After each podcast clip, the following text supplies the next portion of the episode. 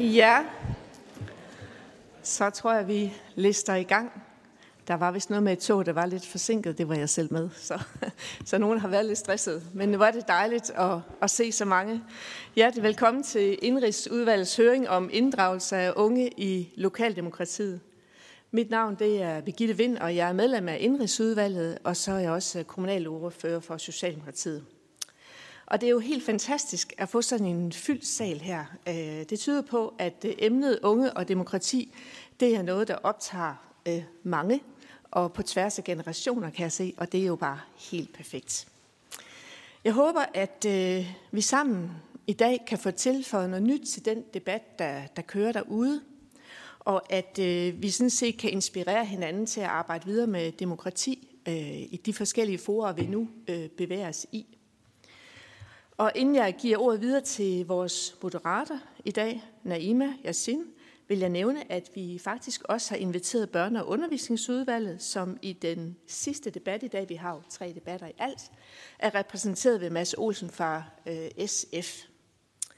Ja, det godt lige fra enhedslisten deltager i den anden debat, og jeg deltager selv i den første. Og så kommer der jo løbende politikere ind og ud af rummet her håber vi da. Vi har allerede øh, Lars Christian Brask fra Liberal Alliance siddende heroppe, der lytter med, som også sidder i indrigsudvalget. Og, øh, og sådan er Christiansborg et tavlt hus, som I måske har fulgt med i, så er der forskellige øh, rapporter, der kommer på bordet i dag, som mange gerne vil følge med i, så der er travlhed. Og det er ikke fordi, at de andre politikere ikke synes, det her er vigtigt, men der er mange ting, der skal passe sammen. Jeg er sikker på, at vi får nogle rigtig, rigtig spændende timer sammen, og udbytterige timer også, øh, selvfølgelig. Og, øh, og nu vil jeg give ordet til Naima. Værsgo, og velkommen. Tak, tak skal du have. Tak. tak. Jeg har lige fået, øh, jeg afprøver lige den her mikrofon, så hvis den øh, skrætter eller gør et eller andet, så sig endelig til, så skifter vi over. Øh, tusind tak for invitationen, Birgitte. Øh, jeg hedder Nema. Til daglig er jeg sekretærsleder i en ungdomsorganisation, der hedder Saga. Og så er jeg halvdelen af podcasten af Seated at the Table sammen med Ingrid Baraka. Øh, og på 9 år er jeg frivillig sommerlejrleder på en ungdomsrød korslejr for 13-17-årige unge, der har brug for en pause hjemmefra. En målgruppe, der faktisk sjældent bliver hørt, når vi taler om de her sager. Øh, det var meget kort om mig. Øh, vi har tre debatter, som Birgitte sagde, og hver, efter hver debat har vi 10 minutter, og der skal I enten vælge at drikke en kop kaffe eller noget vand, eller gå på toilet. så det, det er meget intens, så I må lige øh, planlægge øh, jeres, øh, jeres besøg derefter. Øhm, og inden hver panelsamtale, så har hver panelist 5 minutter øh, til at holde et øh, kort oplæg, og det bliver 5 minutter, så vi egentlig kan komme til samtalen. Og hvis der er nogle spørgsmål øh, efterfølgende, så prøver vi også at åbne op i salen. Der kommer til at være to mikrofoner, øh, I kan tage fat på, og I må meget gerne præsentere jer selv med navn og hvor I kommer fra, inden I stiller jeres spørgsmål. Men jeg tænker, at øh, vi går i gang, og til den øh, første øh, debat, som hedder øh, jeg har faktisk ikke lyst til at kalde det en debat, jeg har lyst til at kalde det en samtale. Så jeg håber også, at det bliver en samtale med alle panelisterne heroppe, og I må gerne stille hinanden spørgsmål, og spørgsmål til, hvad, hvad, hvad der er af pointer, der kommer frem. Øh, og den handler om demokrati og medbestemmelse i, øjen, i øjenhøjde.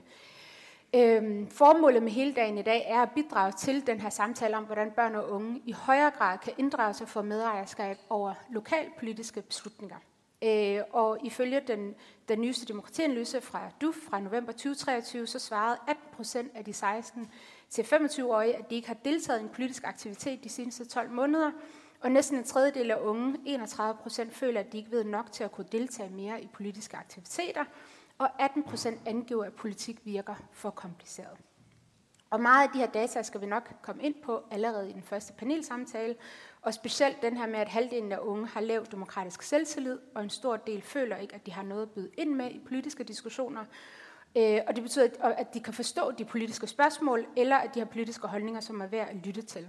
Øh, så det bliver nogle interessante tal at dykke ned i, og til det vil jeg gerne bede øh, Birgitte Vind om at komme tilbage på scenen sammen med Cecilie, undskyld, Dekara, Dekara, Dekara, øh, Christine Ravn Lund, forkvinde for DUF, Maria Broselius Jensen, der er lektor ved Center for Ungdomsforskning ved Aalborg Universitet.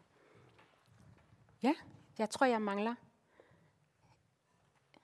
en. Maria Broselius? Nej? Okay.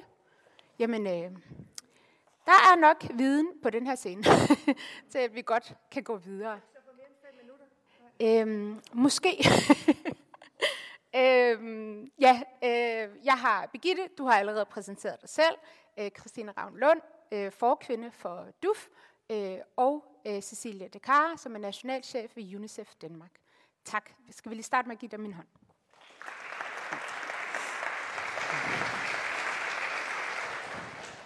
Og jeg tænker, at øh, oplægget kan starte her, og så kan vi øh, tage videre, og jeg holder øje med tiden. Værsgo, Birgitte. Hun er sikkert en god og hård ordstyrer. Tak for ordet. Øhm, ja, jeg har glædet mig rigtig, rigtig meget til i dag. Det er jo ingen hemmelighed, at grund til, at vi er her, det er i høj grad, fordi der er nogle unge mennesker, der har presset kraftigt på, for at vi her på Christiansborg tager den her debat. Og for mit vedkommende, der begyndte det på folkemødet sidste sommer.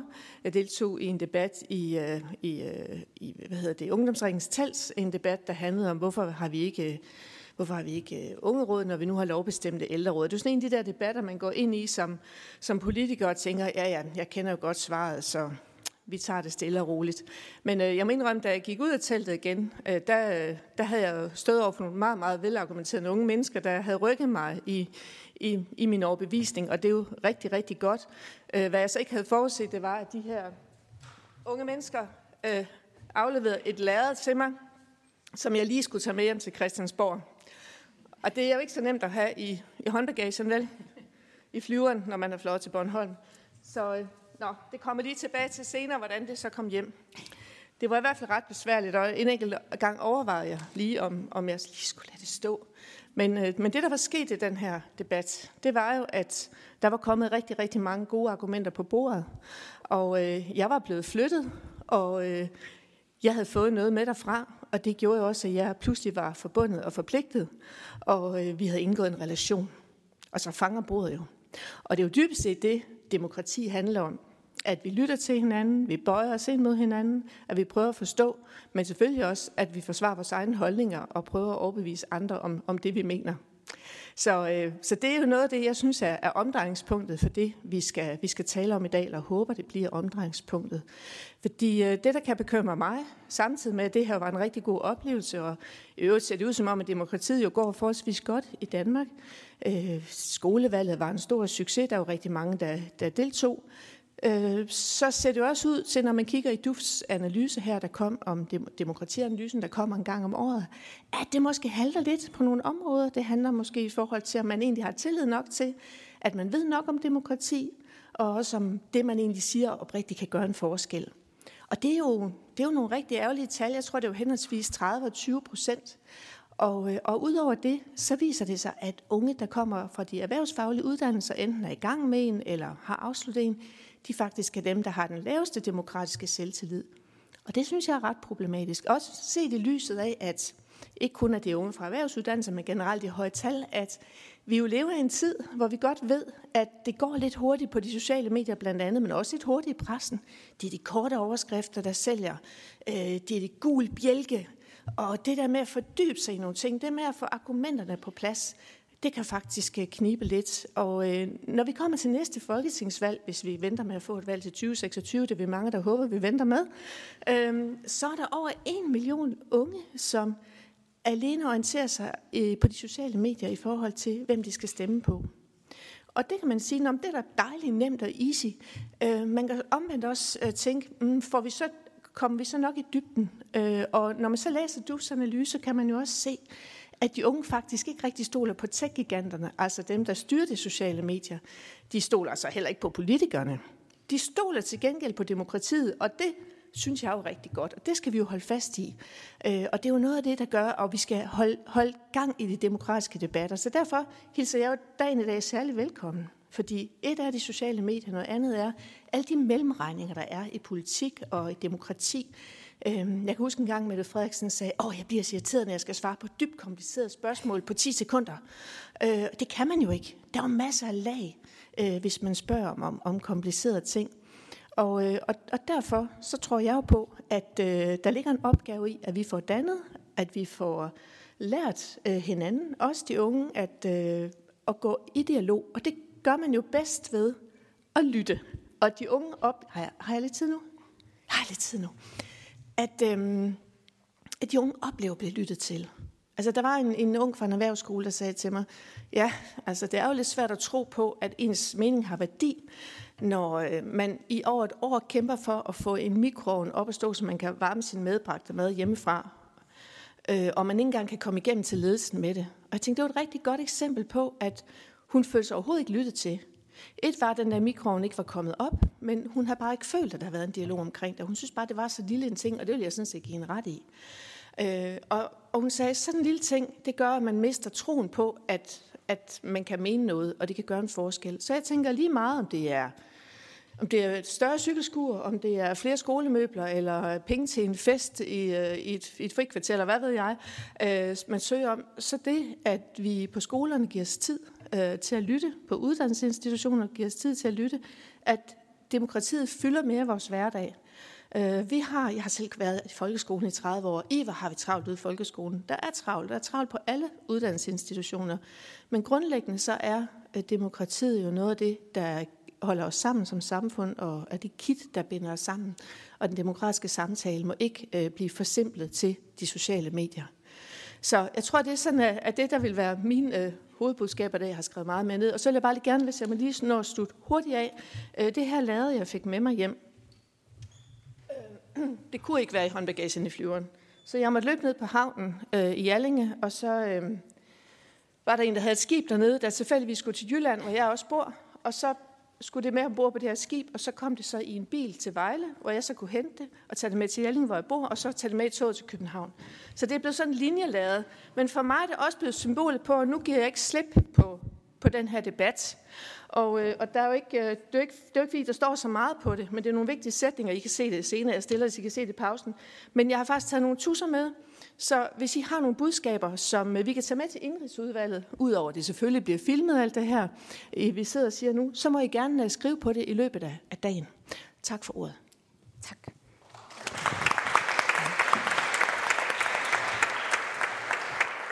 Christine?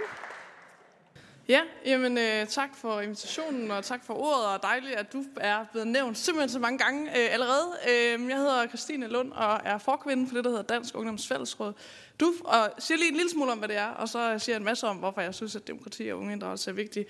Øh, I DUFT er vi stiftet tilbage i 1940, og det, der er vores hovedopgave, det er at genvinde hver ny generation for demokratiet. Og det rimer totalt på øh, dagsordenen i dag.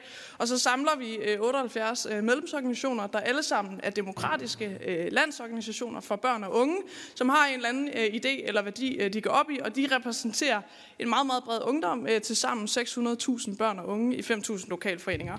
Og det vi bruger en masse tid på EDUF, DUF, det er grundlæggende at understøtte, at øh, unge har en rolle i øh, demokratiet, og at vi har et stærkt demokrati, blandt andet igennem øh, et stærkt foreningsliv.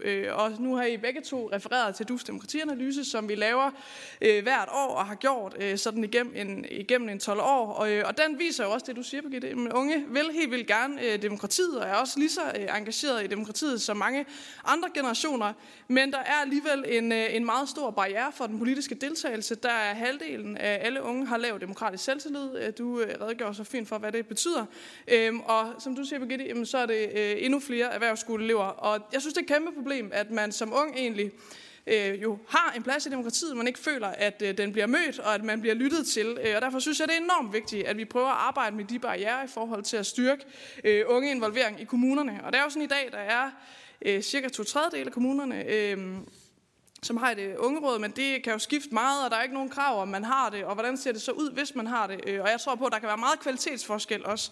Så jeg synes helt grundlæggende, det vigtigste er sådan helt strukturelt at styrke, at man sikrer, at der er en eller anden form for ungeråd eller ungeplatform eller lignende i kommunerne, og tager højde for alle mulige ting, som sådan sekretariatsbistand, økonomi, aldersgrænser, repræsentation og andre ting. Øhm, og jeg tror, at noget af det kan være med til at styrke unges demokratiske selvtillid, men det kan ligesom ikke stå alene. Øhm, og så er der noget i, men en ting er, når man har de der ungeråd, hvordan gør man det så på en ordentlig måde, øh, og sørge for, at det ikke bare bliver sådan et børnebord, der aldrig bliver lyttet til. Øhm, og i min optik, så er det vigtigt, at man sådan lige træder tilbage fra de der øh, paragrafer og siger, når man skal lave god ungeinddragelse, så handler det om struktur, og det handler om kultur. Man kan godt have rammerne, men have en kultur, der ikke inviterer unge ind i et trygt rum, som gør, at man kan sige sin mening højt. Øhm, og det betyder blandt andet, at man øh, udover at sige, at vi skal have et ungeråd, også prioriterer øh, økonomisk, at man øh, skaber de rigtige rammer, og ikke siger, at bare fordi vi laver en bowlingtur, så øh, har vi ligesom sikret, at unge synes, det er fedt at være med her. Øh, jeg sagde det til en kommune på et tidspunkt, hvor jeg kunne se, at det føltes utrolig ramt øh, af det. Øh, men at man, øh, nu har lige, vi, ud over demokratianalysen, så udgiver vi også, øh, eller uddeler vi hvert år årets ungdomskommune. Og jeg har lige været i Jammerbuk for nylig, hvor man øh, i ungdomsskolen der arbejder rigtig meget med at klæde unge på og sørge for, at man egentlig har forudsætningerne i at gå ind i det der demokratiske rum. Og det handler ikke kun om, at man øh, får en mikrobølgeovn eller andre ting på sin uddannelsesinstitution. Det handler om, at unge har holdninger til rigtig mange ting i kommunen. Det kan være infrastruktur, altså hvor er det cykelstien skal ligge henne. Det kan være, hvad er det for en klimaplan, der er for unge. Så jeg synes også, det er vigtigt ind i en ungeinddragelsesdagsorden, at det ikke kun handler om klassiske ungeemner, fordi jeg tror sådan set på, at rigtig mange beslutninger i kommunen kan blive bedre, hvis man inddrager unge, fordi vi er en helt naturlig del af den befolkningsgruppe, øh, som skal høres. Og så tror jeg, nu har jeg ikke lige, hvor meget tid er tilbage. Et minut, ja. Øhm, og fordi jeg tror øh, på, at unge er eksperter i eget liv. Vi er ikke de eneste eksperter, men vi har meget know-how øh, i, hvordan fungerer et ungeliv i dag, øh, kontra nogen, der måske var ung for 30 år siden.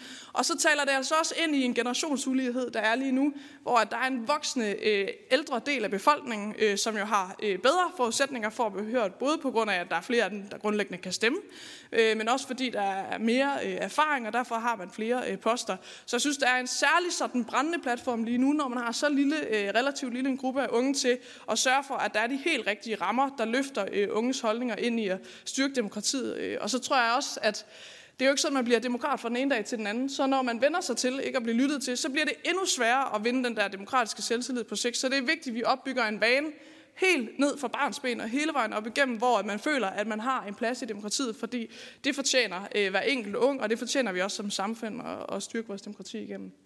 Ja, det tror jeg var sådan. Tak.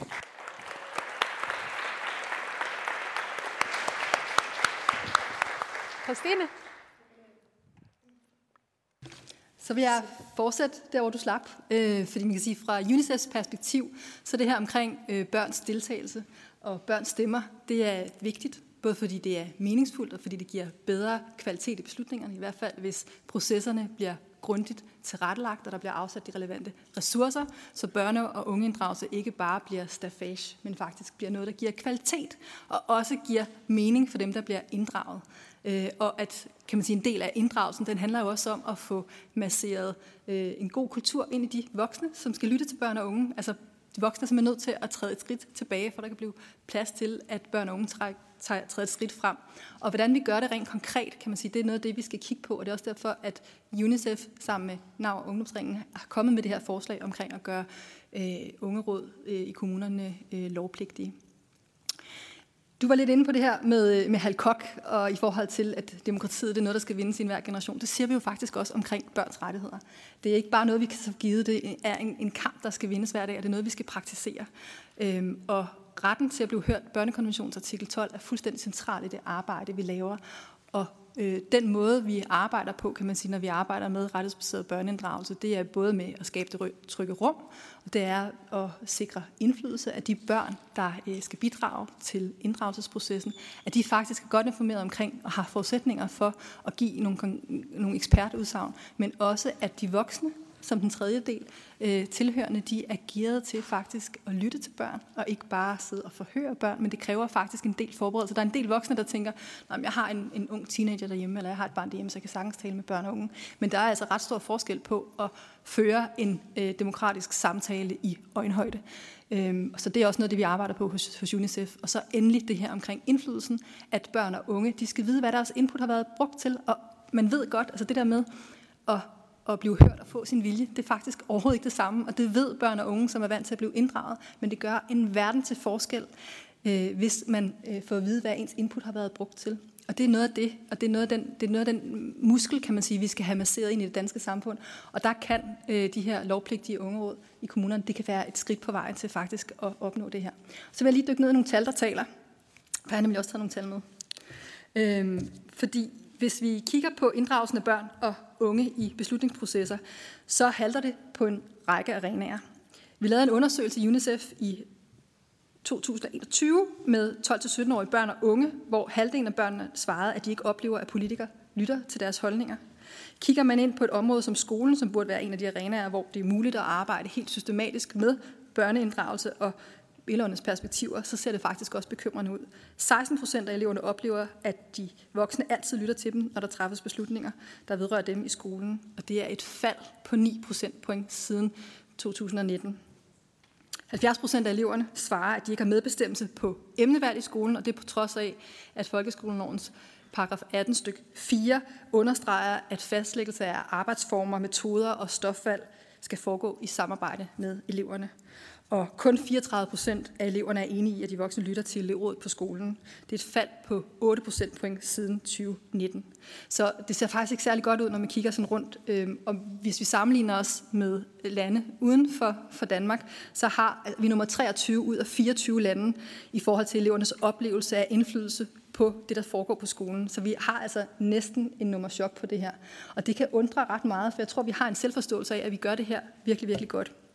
Zoomer vi ind i forhold til tal øh, på børne- og ungeinddragelse i lokaldemokratiet, så ved vi jo også, at mange børn og unge gerne vil engagere sig, og vi ved også fra jeres øh, demokratianalyse, at øh, unges politiske deltagelse nogenlunde er på niveau med andre lande. Og vi ved også, at mange unge engagerer sig, øh, for eksempel gennem øh, fælleselevråd fælles elevråd og ungdomsråd og kulturinitiativer osv. rundt omkring i landet. Samtidig så er der så en række barriere, som gør det vanskeligt for børn og unge at engagere sig. Kun 5% af kommunerne har nedfældet en politik eller en strategi for børneinddragelse. Kun 7% af eleverne i 6. til 10. klasse oplever altid, at de voksne lytter til dem, når der skal træffes beslutninger, der vedrører dem i kommunen. Og børn og unge har ikke nogen form for lokalpolitisk indflydelse. De har fx ikke stemmeret, før de bliver 18, og samtidig kan de ikke være sikre på, at der er et ungdomsråd i deres kommune, som de nødvendigvis kan øh, udøve indflydelse igennem. Kan man få et minut mere? Alright. der er en hel masse udfordringer på det her område, og man kan sige, at vi er virkelig øh, der, hvor at det er på tide, vi får kigget ikke kun på det her med, om vi kan gøre det lovpligtigt at have kommunale ungeråd, men også at vi går ind og kigger på kvaliteten af den inddragelse, der sker, og vi får kigget på, om de unge mennesker, vi får engageret, om de har den diversitet. Det er forholdsvis nemt at, at, at tage tordenskjold og til dem ind, dem der ligesom er vant til at ytre sig og formulere deres egen holdning. Men det her med at få en større diversitet, det er noget af det, vi, jeg synes, vi skal prøve at kigge ind i, som jeg også godt kunne tænke mig, at vi får drøftet videre her i debatten, fordi det er i virkeligheden der, øh, nøglen ligger til rigtig god børneinddragelse. Og så skal vi som voksne simpelthen undgå det her med at lave børneinddragelse som ren stafage. Det skal simpelthen give, give kvalitet og meningsfuldhed, både for de beslutninger, der bliver truffet, og for dem, der bliver inddraget den måde kan vi øve øh, demokratiet også i øjenhøjde. Tak. Mm-hmm.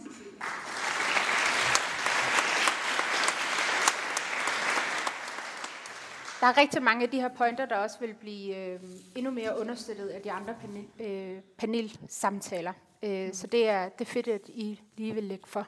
Jeg har et, øh, jeg tænker, der hvor vi kan starte, er, at øh, vi har nævnt en masse tal, og bare for, at vi også kan øh, mangfoldiggøre alle de her undersøgelser, så er der også lavet en øh, undersøgelse på DPU på Aarhus Universitet, og det er måske mere til Christine, og hvordan du forholder dig til det. Øh, de har lavet en, øh, en demokratianalyse, en international undersøgelse blandt, jeg tror det er 132 øh, skoler, 8. klasses elever, og jeg tror det er 4.000. Hvis der er nogen fra Aarhus Universitet, I må rette mig. Øhm, og der er jo selvfølgelig forskel på den målgruppe, øh, du undersøger mellem 16 og 24 og de her 14-årige. Øhm, men DUF-analysen viser, at halvdelen af unge har lav demokratisk selvtillid, øh, og alt det, vi har talt om. ICCS-undersøgelsen viser, at de danske elever har tillid til sig selv som politiske aktører, og det forstås som tiltro til egne evner til at bidrage til at medvirke i politiske sammenhænge, og desuden stor tillid til det politiske demokratiske system. Øh, og, og, det, og den her undersøgelse viser også, at der har været større fremgang i Danmark i mange andre europæiske lande. Vil du forholde dig til det? Giver det mening i det, jeg læser højt? Ja, du læst mange ting højt. Ja, ja. Øh, men jeg tror, altså, øh, på den måde er jeg ikke sådan analyseekspert. Øh, og jeg tror, det er Jonas Liebekind, der har lavet den der, og har også været i debat med ham før. Øh, og jeg synes at det er fint på mange måder. Altså det, det viser vores demokratianalyse jo langt hen ad vejen også. Altså unge vil gerne øh, demokratiet, har en masse holdninger til, hvordan øh, samfundet skal udvikle sig. Øh, så viser vores øh, analyse så, at øh, halvdelen af unge har lavet demokratisk selvtillid, og det synes jeg øh, er enormt bekymrende. Det tror jeg ikke nødvendigvis er i modstrid ved, at man ved en masse om politik. Øh, så derfor synes jeg måske også, at vi kunne bruge tiden øh, på noget bedre end sådan at diskutere øh, analyser op mod hinanden. Og jeg synes, du er meget fint lige har redegjort for, hvad er det for en masse udfordringer, der er. Og jeg tror, nu er der elevorganisationerne også med hos os, og jeg ved, at der er rigtig mange udfordringer, netop øh, som du øh, siger, ude på skolerne, også for dem, der er under 16, hvor at kampen bliver den der mikrobølgeovn. Det er det der evige eksempel, fordi det er mega konkret. Jeg synes, det er helt vildt ærgerligt, at det også er der, det strander, fordi jeg synes ikke kun, det handler om legepladsen og mikrobølgeovnen. Jeg synes også, det handler om, hvad er det for en undervisning, man skal have.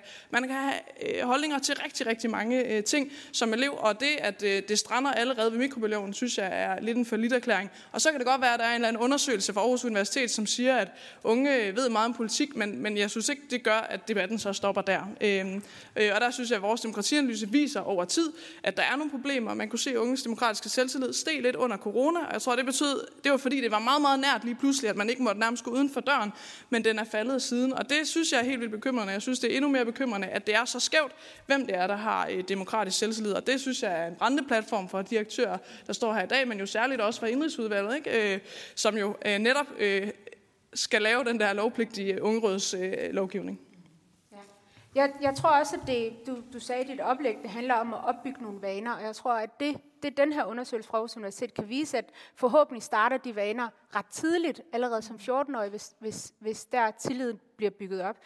Øhm, Cecilia, i forhold til, at du nævner, at det allerede står i børnekonventionen, alle de her rettigheder, man egentlig har som barn, Øh, jeg tror, det er ret interessant at skulle, skulle kan, vi, kan vi sætte ord på, hvordan undgår vi, at vi hele tiden kæmper for rettigheder, der allerede egentlig er øh, besluttet, og man måske ikke selv er bevidst om, hvad har jeg egentlig ret til, hvad for nogle sager må jeg som ung have en mening til, i forhold til, at du sagde, at der er også rettigheder til at bestemme, øh, hvordan skoledagen skal indrettes, eller hvad der skal undervises i. Hvor er det, at vi, vi mister den, eller hvor er det, hullet opstår? Øh, at... Øh ja, vi har de her rettigheder, vi har dem i medfør af børnekonventionen, men vi skal have det, der står på papir, ud til praksis, og vi skal ligesom også have det fra, fra hjerne og ud til hjerte i det, vi gør. Og jeg tror, hvis vi starter, når børn og unge er 14, så starter vi for sent. Jeg tror simpelthen, vi skal starte endnu tidligere. Der står også i folkeskolens formål, at den skal forberedes, folkeskolen skal forberede eleverne til rettigheder og pligter i et samfund med frihed og folkestyre, og skolens virke skal være præget af åndsfri ligeværd demokrati. Så det er simpelthen noget, vi skal give lærerne. Vi skal give lærerne sprog for at tale om inddragelse. Vi skal give lærerne sprog øh, og nogle kompetencer til at lave god børneinddragelse, så det er noget, vi gør, ikke noget, vi, vi, vi ligesom tror sker af sig selv. Det er faktisk noget, der kræver rigtig meget planlægning, også at der bliver sat nogle ressourcer af. Og jeg kan også se, altså, øh, vi har lige lavet en undersøgelse sammen med danske skoleelever i forhold til øh, øh, hvad hedder det, elevers øh, deltagelse i skolebestyrelsesarbejdet, at kvaliteten af inddragelsen halter enormt meget. Og det er simpelthen fordi de her skolebestyrelser og den kontaktlærer, der står øh, på skolerne og skal facilitere de her inddragelse, ikke har kompetencerne til at lave, lave reel inddragelse. Så jeg tror, vi skal simpelthen ind og, og, og, og arbejde med øh, en, en mere aktiv, direkte, bevidst kultur omkring øh, inddragelse. Øh, ja. ja. Inden jeg kommer, er det en øh, pointe til til alderen, eller så vil jeg lige... Ja. Jeg tror bare, at jeg er meget, meget enig i, at øh, 14 år det er alt, alt, alt for sent, og jeg synes også, det er for sent at starte i folkeskolen. Altså jeg tror på, at alle børn øh, har værdi, og at man også skal inddrages, når man er yngre end folkeskolen. Så er det klart, det måske ikke lige er den store klimadagsorden, der fylder allermest for den treårige, men det der med, at man har værdi, og det man siger noget har en betydning, er enormt vigtigt. Og så er det klart, at der er et tilbageløb af, hvad kan lade sig gøre, hvad kan ikke lade sig gøre, og hvorfor er det, det ikke kan det, øh, er enormt vigtigt. Jeg tror, ind i det der med børnerettighederne, er der også et rigtig oplagt første step, der hedder at inkorporere børnekonventionen i dansk lovgivning. Altså allerede der øh, vil vi have en meget, meget stærkere platform for øh, børns øh, rettigheder, øh, og så er jeg bare meget enig i det der med, øh, børnesynet øh, betyder rigtig meget, og at man kunne starte der med, at dem, der stod for elevrådet som lærer, faktisk havde ekstra timer til det, for det er rigtig mange steder, man ikke har det, og det er der ikke nogen krav om, at man har. Hvordan ser du din rolle, Birgitte, som politiker til at skabe de her gode rammer? Jamen altså, det er jo klart, at øh, rammerne betyder jo rigtig meget. Øh, blandt, ej, jeg har simpelthen fået en plads i solen her. Men øh, det, det går, det går, det går. Øh, altså, noget af det, og det er jo fuldstændig rigtigt, i folkeskolen har der, er det jo forsvundet lige så stille, selvom jeg tror nok, at hvis man spørger en, en lærer, hvis man går ind ad en dør på en selvfølgelig folkeskole, det vil sige, jo jo, Vi, vi spørger der børn og så videre. Men, men jeg tror desværre, at fokus har flyttet sig, og det er der mange grunde til. På et tidspunkt har der været rigtig, rigtig mange, det er jo det, øh, Folketinget nu også prøver at tage opgør med, har der været rigtig mange delmål i folkeskolen. Over 4.000, som lærerne sådan skulle have fokus på, når de skulle undervise. Og de blev også målt og vejet på, om de kom omkring alle de her mål. På et tidspunkt var der over 200, jeg mener det var 245 eller 250 delmål alene i børnehaveklassen. Der er 200 skoledage i børnehaveklassen, men der var 250 delmål. Det siger jo sig selv, at det giver jo ingen mening. Men hvis man er en, en, en pligtopfyldende underviser, som kan se, at det her, det står faktisk i det, jeg skal, og, og man som forældre også bekymrer sig om sit barn udvikling, og ved, at man kan følge med inde på, nu hedder det ikke intra, det hedder Aula i dag, ikke? og I ved meget mere, hvad det hedder, det er fem år siden, jeg flyttede folkeskolen, men der kan man jo som forældre følge med, og, og det ligger også et pres på lærerne. Så jeg tror desværre, at vi har fået, har fået opbygget et skolesystem generelt, der har haft meget fokus på, på resultater og karakterer, mere end måske det relationelle og det, der er imellem os, det, det, det kit, der binder os sammen. Det kan der være mange holdninger til, men det er i hvert fald noget af det, som, som vi her som lovgiver er ved at tage livtag med, og det er faktisk hele Folketinget, der, der er med på den dagsorden. Det er ikke sådan en partipolitik på den måde. Der er vi faktisk meget enige om, at vi bliver nødt til at se på at have nogle andre, hvad skal man sige, øhm, værdier til grund for. Og det vil jo betyde rigtig meget for lærerne, når, når det slår igennem, hvor, hvor de kan rette deres fokus hen. Men jeg er helt enig i, at øh, der ligger en opgave, også herfra, til at sætte fokus på demokratiet i lovgivningen og rammerne. Mm. Og det også, jeg er også vildt glad for, at du ikke sagde, at kommunerne har jo selvstyre. Altså sådan, der, der kommer også noget i det der med, hvor skubber man ansvaret hen i forhold til, hvordan kan vi implementere forandringer og, og processer i det. Cecilia, du markerede lige, måske i det kan du også øh, sætte nogle ord på, hvordan vi, hvad er det for nogle danske traditioner, vi har med at inddrage børn og unge, og er vi gode til det? Du skal lige tage ja. øhm, Jamen, jeg tænkte bare først i forhold til, til det, Malene sagde omkring øhm, det her med at frisætte folkeskolen, det går vi også ind for i UNICEF Danmark, at vi skal simpelthen have, have glæden tilbage i børns øjne, og vi skal stoppe med al den målstyring. Samtidig ved vi også, at der er stoftrængsel i skolen, og, og nogle af de øh, emner, som, som jeg fra sådan et børnerettighedsperspektiv kan være bange for, kan forsvinde, det er netop øh, dannelsen til demokrati, og det er undervisning i børns rettigheder. Vi er kommet med en anden undersøgelse her sammen med Institut for Menneskerettigheder i år, der viser, at der er sammenhængen mellem kendskabet til øh, rettighederne, altså kendskab til ytringsfrihed, øh, privatlivsbeskyttelse, forbud mod tortur, forbud mod vold osv., og så børn og unges indstilling over for øh, rettighederne. Så hvis de ved, har et lavt kendskab, så synes, har de større tilbøjelighed til at synes, at det er ok, at staten overvåger i vidtgående omfang, og det er ok, at, at voksne udøver vold mod børn som en del af opdragelsen. Så der ligger altså noget der, der i, i, i farten, i, i, i forsøget og i, i den gode intentionstjeneste, kan risikere at sætte nogle af de her rigtig vigtige indholdsområder øh, over styr. Det kan jeg være, det kan jeg være, øh, være øh, bange for. Øhm, I forhold til, til, til de spørgsmål omkring øh, danske traditioner, så tror jeg, at vi har øh, en, en selvforståelse i Danmark om, at vi er super gode til at lytte til hinanden. Øhm, og, øh, og det er vi også rigtig, rigtig, rigtig langt hen ad vejen. Det er bare ikke noget, der sker af sig selv. Det er typisk sådan, at, øh, at vi er gode til at øh, lytte til børn og unge, når det er nemt. Det vil sige, når børn ikke larmer, når børn ikke har særlige udfordringer, når øh, der øh, når, når, altså også, vi kan også bare se i forhold til de sager, der er kommunalt, der hvor børneinddragelsen den halter, det er med børn med diagnoser, hvor børnesagsbarometeret viser, at i 48 procent af tilfældene i sidste instans, hvor det handler om at skulle øh, sanktionere børn i forhold til, at de skal øh, fjernes øh, fra hjemmet, så sker der ikke en reel inddragelse på den konkrete foranstaltning. Så der, hvor inddragelsen virkelig har værdi, og der, hvor inddragelsen skal stå sin prøve, og der, hvor vi skal gå, være gode til at lytte, der halter det. Så man kan sige, at vi skal simpelthen blive bedre også til at sætte ressourcer og midler og uddannelse af til at sætte fokus på reel børneinddragelse, der hvor den virkelig skaber værdi, og det er for de børn og unge, som er allermest udsatte. Birgitte? Ja, du skal lige tænde. Det er fordi, jeg ved, at der i det her lokale i dag sidder nogle repræsentanter for en forening, som varetager altså unges øh, interesser, unge med, øh, øh, med, med udviklingshemmede. Altså, og, og det er jo en gruppe, som øh, tit forsvinder ud. Nu snakkede jeg om, øh, om børn på erhvervsskolerne, unge på erhvervsskolerne, men, men vi har jo også øh, mange unge, som måske ikke øh, har begreberne, måske ikke har muligheden for at følge med kognitivt på, på det niveau, som, som alle andre har. Øh, vi har øh, for eksempel, vi, vi oversætter, hvis man er, er, er døv, så har vi tegnsprog. Øh, men vi har altså også en, en, nogle unge mennesker, som måske en gang imellem har brug for en ekstra hånd på en anden måde. Og når jeg nævner det her, så er det fordi, det, det, det skal talsættes. Og det tror jeg ikke er blevet talsat sådan lige her i det her lokale før på den måde, i den her sammenhæng. Fordi vi skal huske, at demokratiet gælder for alle.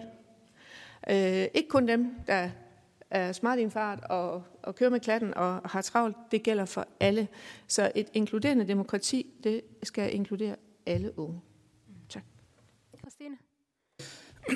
ja, øh, og det er jeg fuldstændig enig i, og jeg tror også bare, altså man kan, det er rigtigt nok, at man skal støtte op om mange unge, men, men jeg er ikke i tvivl om, at alle unge kan organisere sig. Altså det kan vi se, fordi at lige meget hvad det er for en, en skoletype, jamen så er der nogen, der organiserer et elevråd. Så er det klart, at der er nogen, der har meget, meget øh, bedre øh, forudsætning for at gøre det end andre, men jeg synes i hvert fald, det er vigtigt at slå fast det der med, at, øh, at netop det ungesyn, hvor man siger, ja, men det, det er alligevel for svært og vi holder ude, at det er fuldstændig overfor, at alle har mulighed. Altså på STU-skoler er der også elevråd, og så er der nogle steder, man prioriterer det alt for lavt, og det er der masser af potentiale for at gøre stærkere. Men, men, men jeg vil ja, bare give ret i at sige, at det er vigtigt, at man ser på alle unge, både dem i udsatte positioner, men også i bredden. Og nu snakker du tidligere om det der med diversitet og mangfoldighed.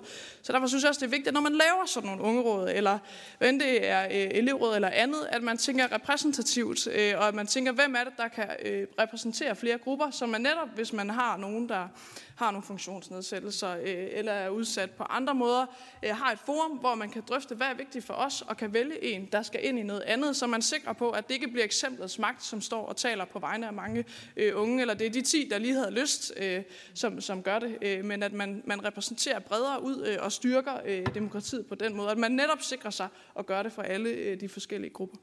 Kan du ikke sætte nogle ord på os, hvordan du så kan samarbejde med kommuner og, og skabe de her platforme, hvor unge kan blive hørt og taget seriøst? Jo, altså man kan sige, at vi er jo en landsorganisation i DUF, så derfor er vi ikke, tager vi ikke alle kommuner øh, i hånden, som har brug for hjælp, øh, for at bruge øh, det som, øh, som eksempel. Øh, men vi er begyndt at få stigende øh, interesse for det, øh, og derfor øh, svarer vi jo pænt kommunerne, men lige nu er jeg faktisk ved at øh, udarbejde en guide til ungeinddragelse i kommuner. Øh, den er så ikke færdig nu, så det er Øh, jeg kan lure, eller hvad hedder det, afsløre, at det nok bliver lanceret lige op til folkemødet, øh, forhåbentlig.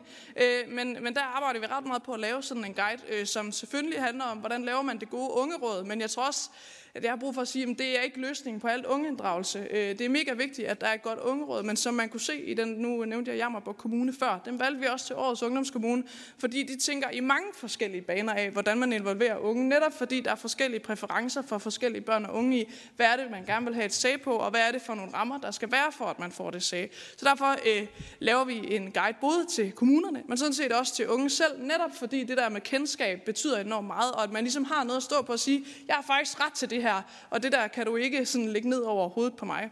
Øhm, så vi regner med øh, på den måde at gøre det, øh, lave den der guide, og det er ikke sådan en one size fits all. Altså jeg er meget overbevist om, at den rigtige løsning for Fanø ikke er den rigtige løsning for København, så derfor synes jeg også, det er vigtigt, at hvis man laver sådan... Øh, øh, forhåbentlig øh, vedtager, at det skal være lovpligtigt med ungeråd kommuner, laver en eller anden form for rammelov, som giver øh, noget frihed til at give øh, ungerådene på en god måde, men at man forholder sig til, hvad er det for nogle elementer, der skal være i et ungeråd, og så kan det se forskelligt ud øh, forskellige steder.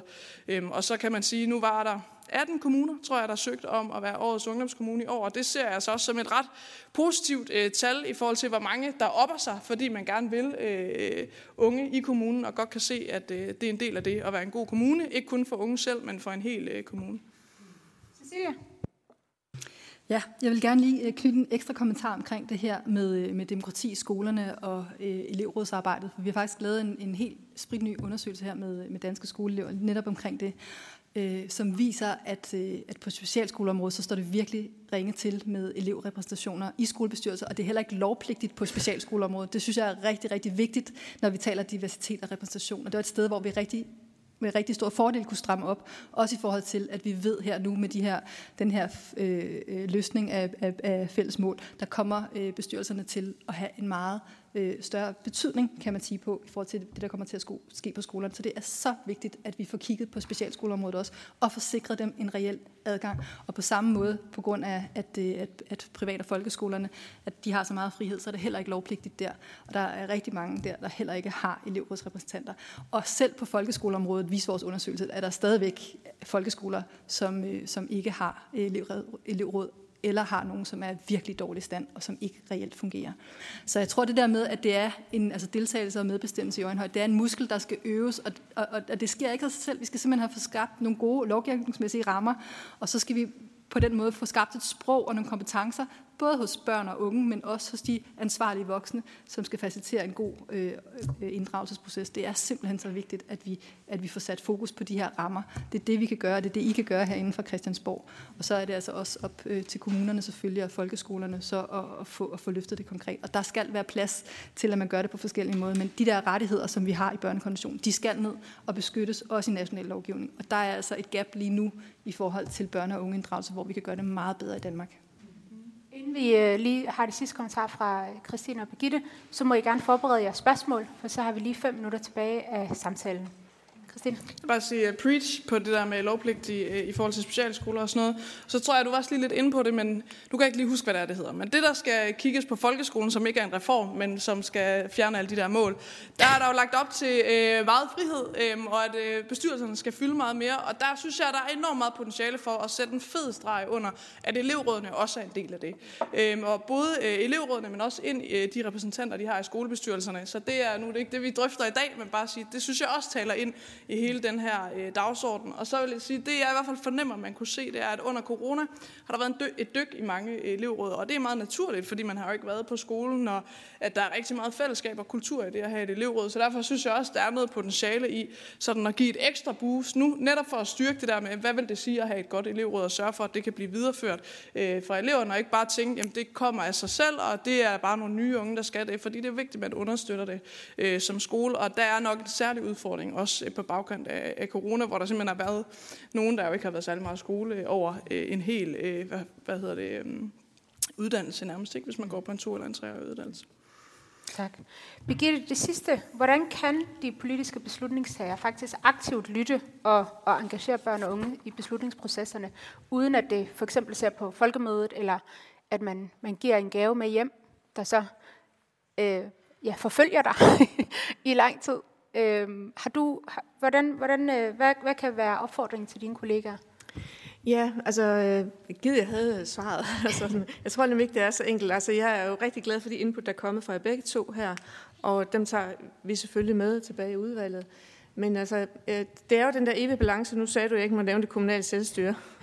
og det er jo den der evige balance med, hvor, hvor, hvor faste rammer vi laver herindefra i forhold til kommunerne. Fordi one size fits all modellerne, dem skal vi helst ud af, fordi de dur heller ikke. Mm. Så, så det er noget med at, at finde en måde at få det konstrueret på, så, så vi har et fælles sprog om, hvad der er vigtigt. Og jeg synes, noget af det, der går igen, jeg kommer måske til at gentage noget af det, jeg indledte med, altså de unge, jeg har talt med, fordi det er jo så også det, der skete efter det her lavet, kom ind på mit kontor, så har jeg holdt møde med, med en forskellig række unge, øh, ungdomsorganisationer, og så sådan det samstemmende, jeg synes jeg, det, det, det, der kommer ud, det er, at øh, jamen, vi behøver nemlig ikke at få vores vilje hver gang. Det er ikke så meget det.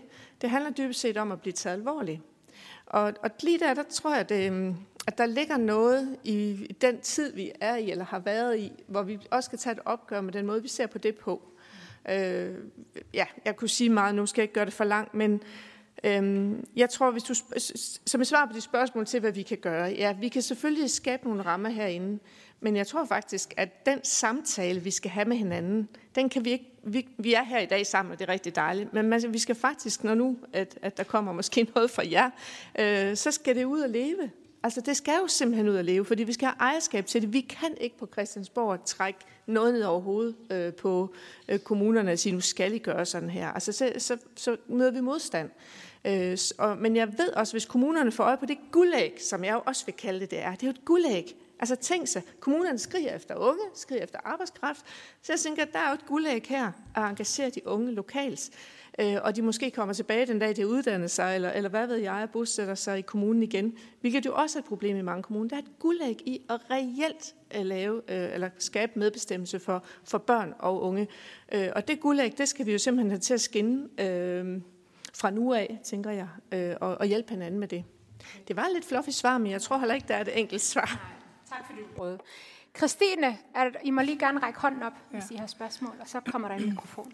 Jamen, det var bare fordi, du spurgte, hvad kan man gøre? Og nu siger du det der med, at det er vigtigt med et fælles sprog. Og jeg tror, det der nogle gange sådan er, øh, når vi snakker ungeinddragelse, så snakker vi inddragelse, vi snakker høre unge, vi snakker lytte til unge. Jeg tror, det er meget vigtigt at sige, at der er meget forskellig kvalitet i ungeinddragelse. Og der, hvor man acer på ungeinddragelse, det er at give unge beslutningskraft. Altså, så man kan høre nok så mange unge, men hvis man virkelig vil den der ungeinddragelse, så skal man give øh, øh beslutningskraft til unge, og så makser man ud der. Og så øh, synes jeg, det er bedre at have et eller andet advisory board, end slet ikke at have noget. Men bare for at sige, er altså en, del, hvad skal man sige, en stige og et hierarki i, hvornår laver man mega, mega god ungeinddragelse, og hvornår laver man ikke så god ungeinddragelse. Der synes jeg, vi skal begynde at snakke mere om, hvordan man tager unge helt med ind i beslutningerne, øh, og ikke bare øh, tager deres besøg med, eller tager vores besøg med. Ja. Tak. Der er et spørgsmål dernede. Ja. Ja, tusind tak. Øh, det ligger faktisk lidt i forlængelse af det, du lige har snakket om, Christine. Jeg hedder Asger, jeg er forperson for Danske Gymnasieelevers Sammenslutning, som er elevorganisation for gymnasieelever. Øh, jeg var lige ude på Rødovre Gymnasium i dag. De havde elevrådsdag, og jeg var øh, derude og holde oplæg. Og det, som de fortalte mig, det var, de havde egentlig en rektor, som var rigtig gode til at høre på elevrådet. De havde nemt ved at kunne få møder med ham, og døren stod altid åben, og de kunne komme ind og, og snakke med rektor, hvis de havde noget, de havde fundet ud af, at de gerne ville ændre på skolen. Øhm, men der var en elev, der sagde det, som han sagde det egentlig meget rammende. Han sagde, jamen rektor han vil gerne høre på os, men han vil ikke lytte til os. Øhm, og, og det tror jeg det er et problem, som går igen rigtig mange andre elevråd og andre steder, hvor man prøver at inddrage unge og give unge en stemme. Ja, den stemme den bliver hørt på, men den bliver ikke lyttet til. Øhm, og derfor kunne jeg egentlig af, af ren nysgerrighed kunne jeg godt tænke mig at høre nogle af jeres tanker om, hvordan man sørger for, at hvis man nu får lavet de her øh, ungeråd ude i kommunerne, at man så sørger for, at det også bliver en reel og, og meningsfuld ungeinddragelse, ikke bare bliver sådan noget altså trofæ unge inddragelse, hvor man kan sige, nu har vi hørt nogle unge og så videre, men altså, hvordan kan man indrette dem på en måde, hvor at man sikrer, at de her ungeråd også bliver lyttet til, og ikke bare hørt på, at de rent faktisk får en reel indflydelse på de beslutninger, der skal tages i kommunen. Tak skal I have. Cecilia, vil du prøve? Ja, tak for et rigtig relevant spørgsmål. Jeg tror, det vi skal blive rigtig gode til i forhold til at skabe nogle gode rammer for de øh, unge rådene ude i kommunerne, det er at gøre det klart for de voksne, der er ansvarlige for inddragelsesprocessen, om hvor vi er henne. Altså det her med, om er det en, en konkret beslutningskompetence, der bliver lagt ud til ungerådet? Er det ungerådet, der får, en, øh, får de en indstillingsret, så de kan indstille noget til byrådet? Hvad er det, det går ud på? Eller er det en høring? Og så det her med at sige, og, og, og lytte til og høre, det er ikke det samme, og det skal, det skal voksne forstå. Så der ligger, jeg tror, der er mange, der, når man sådan taler om børn og unge inddragelse, så tænker man, oh, det er simpelthen det børn og unge, der skal lære en hel masse. Børn og unge, de kan faktisk godt. Det er voksne, der skal, der skal simpelthen lære at lytte til børn. Og det betyder, at man skal give meningsfuld respons. Det er, betyder, at man skal give helt klar tilbagemelding på, hvordan har inputtet været brugt, hvis det bare har været en høring eller hvordan bliver der fuldt op på den beslutning, der er blevet truffet af unge, og hvad er det for nogle ressourcer, der så følger med den beslutning. Så der er fuldstændig gennemsigtighed, transparens og tydelighed. Altså det er virkelig tydelighed på inddragelsesprocessen. Og der arbejder vi i UNICEF Danmark ud fra børnekonventionen, og det, vi har sådan nogle general comments, der handler om, om rettighedsbaseret børneinddragelse, hvor vi bruger en model simpelthen for, hvordan man kan sikre, at vi kommer de forskellige trin igennem. Og det, det er ikke bare noget, der sker af sig selv det er, er noget, der kræver ressourcer og tid, men også dygtighed. Og det er ikke nok bare at have have, have sin, øh, sin dør åben ind til rektorkontoret. Det kræver meget mere end det. Så det er også, øh, altså vi skal simpelthen have blik på de voksne. Dem, der er ansvarlige for den her øh, børne- og ungeinddragelse. Jeg vil lige tage sidste spørgsmål dernede i den blå, og så håber jeg, at du kan gøre det til et meget skarpt spørgsmål. Øh, ja, det vil jeg så prøve. Jeg hedder Marie Bernsen og sidder som sekretariatsleder hos Musik og Ungdom. Og I taler øh, forståeligt nok rigtig meget om øh, skolerne, øh, men jeg vil også flage, at der er et fritidsliv øh, for de unge, øh, blandt andet også i øh, kommunal regi i form af musikskolerne. Og vi kunne godt tænke mig at høre jeres øh, tanker om øh, ungeinddragelse i, i, i fritidslivet. Christine? Ja, jamen jeg er jo jævnt glad for fritidslivet. Øh, det er der nok ikke nogen hemmelighed. Øhm, så derfor synes jeg helt klart, at børn og unge skal inddrages i det. Og jeg tror, det er også derfor, jeg sagde tidligere, at jeg synes, man skal passe på med at tænke øh, børn- og ungeinddragelse ind i, kun i uddannelse. Og jeg synes også, man skal passe på med kun at tænke det ind i fritidslivet, fordi at uddannelse og fritidsliv er det, der måske er meget relevant for børn og unge, men man skal tænke det ind i alle områder i kommunerne. Øh, fordi at vi inddrager ikke unge, fordi unge kun mener noget om os selv. Altså vi inddrager unge, fordi vi skal være en del af vores fælles demokrati, og det er jo øh, præmissen for demokratiet, at man mener noget om alle mulige forskellige ting, der også øh, vedrører os alle sammen. Så bare for at sige, at jeg er helt enig i, selvfølgelig øh, skal man lytte til børn og unge i fritidslivet, øh, hvad end det er på musikskolen, eller det er i folkeoplysningsudvalget, eller det er noget tredje. Og der kan man bruge de øh, samme, hvad skal man sige, øh, organer, som man ellers bruger, men man, det er vigtigt, at man bruger det øh, endnu bredere. Og så tror jeg bare, at jeg vil lægge mig lidt i slipstrømmen her og sige, at det der med klare rammer er enormt vigtigt. Øh, nu Asger og mig har lige siddet i, øh, i et ungespilspanel i Skatteministeriet, hvor der havde vi ikke beslutningskraft. Og jeg har alligevel rost det der rigtig meget, fordi der var enormt klare rammer for, hvad det var for en opgave, vi skulle udfylde, så det var nemt at gå ind i. Og der var også en kultur af en minister, der prioriterede det og lyttede rigtig meget til det. Øhm, og så tror jeg, øh, den sidste ting vil være, at hvad end det er fritidsliv, eller det er uddannelse eller noget andet, men så er det vigtigt at kende, at for nogle voksne er det en tung omgang. Øh, men men det, gør, det gør ligesom ikke, at man ikke skal gøre det. Øh, og der er det helt øh, rigtigt, at det handler ikke om, at jamen, det er børnene, der er besværlige. Altså hvis det der ikke fungerer, så er det de voksne, øh, der er besværlige. Så er det ikke øh, børnene, og det er fordi, de så ikke tager den øh, opgave øh, seriøst, som de skal.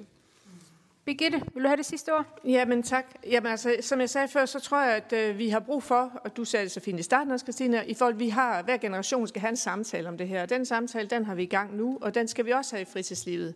Fordi fritidslivet har også... Øh, øh, udfordringer, men det er også i fritidslivet, og der tænker jeg på rekrutteringskraft til frivillighed osv., men det er også i fritidslivet, der er en høj grad demokratisk dannelse. Det er der, vi får skabt en stor del af vores identitet. Og det, det vi har med os fra vores fritidsliv, vi faktisk læner os op af senere livet ofte. Det kan være spartebevægelsen, det kan være sport, det kan være ja, hvad som helst musik.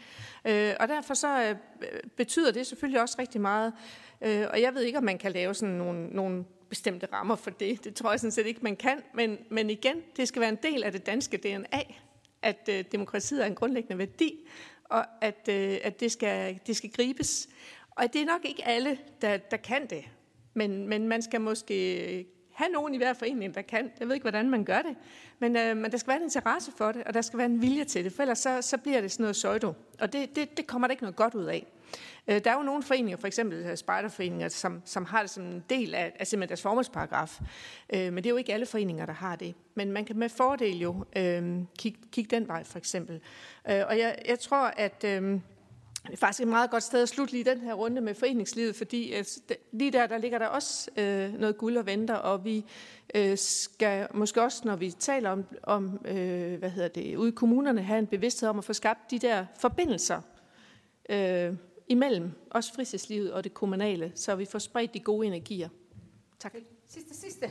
Ja, altså jeg tror bare, at det ligger lidt i slipstrømmen af det der, at øh, nu det, siger du, det er ikke alle foreninger, der sådan, øh, elsker det der demokrati. Jeg kan sige, at alle de foreninger, der er med, du elsker demokratiet og er demokratisk opbygget. Og bare for at sige, noget af det, der er fuldstændig centralt i god øh, ungeinddragelse og god ungeråd, det er demokratisk organisering. Og det kan børn og unge godt, og det er en kæmpe styrke det der, når man er organiseret. Så hvis man vil lykkes med god ungeinddragelse i kommunerne, så bliver man nødt til at bruge forenings- og fritidslivet og elevrådene, fordi ellers så får man overhovedet ikke acet øh, noget som helst ved at hive øh, 10 tilfældige unge ind. Så bare øh, helt inde i øh, øh, foreningslivet og organiseringsrolle i øh, demokratiets opbygning, fordi det også er der, man lærer demokratiet at kende. Fedt. Tusind tak. Tak til Cecilia, tak til Christina, tak til Birgitte. Vi har syv minutter. Vi skal lige catch up på tiden her, så syv minutter, til vi er tilbage igen. Tak.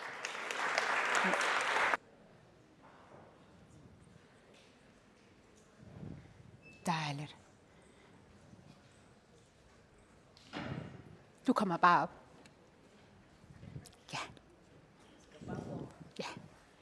Det gør der. Yes. Vi, øh, yes. Så starter vi vores øh, nummer to samtale i panelet øh, om erfaringer fra kommunerne. Øh, og til det har, jeg, øh, har vi øh, Jette Gottlieb fra Enhedslisten, der er medlem af Folketinget. Øh, Stephanie Storbank, Venstre borgmester i Billund Kommune. Lisbeth From Pedersen, som er forperson for NAV, som du vil fortælle mere om. Og Eva Mærs, der Ph.D. i Sociologi og specialkonsulent Nordregionen. Yes, velkommen til. Det vil lige... Ja. Ligesom i den anden samtale, så øh, får I jo fem minutter øh, til at lave et kort oplæg, og øh, jeg holder øje med tiden, og det er skarpt fem minutter. Jette, vil du starte? Øh, ja, tak fordi I vil høre på det. Jeg har nemlig tænkt at sige noget lidt overordnet om, hvad demokrati er for noget overhovedet, fordi vi snakker om det så selvfølgeligt, som om alle ved, hvad det er. Men jeg har tænkt at sige lidt noget om, øh, hvordan man egentlig inddrager mennesker herunder unge, herunder børn, i beslutninger om deres egen hverdag.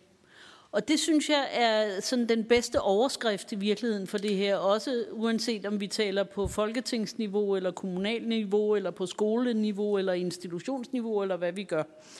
Øh, jeg mener, det er meget vigtigt at inddrage altid i beslutninger på det lavest tænkelige niveau, sådan at dem, der træffer beslutningerne, det er dem, der øh, mærker konsekvenserne af beslutningerne. Og det kan man gøre på alle niveauer. Så det er udgangspunktet.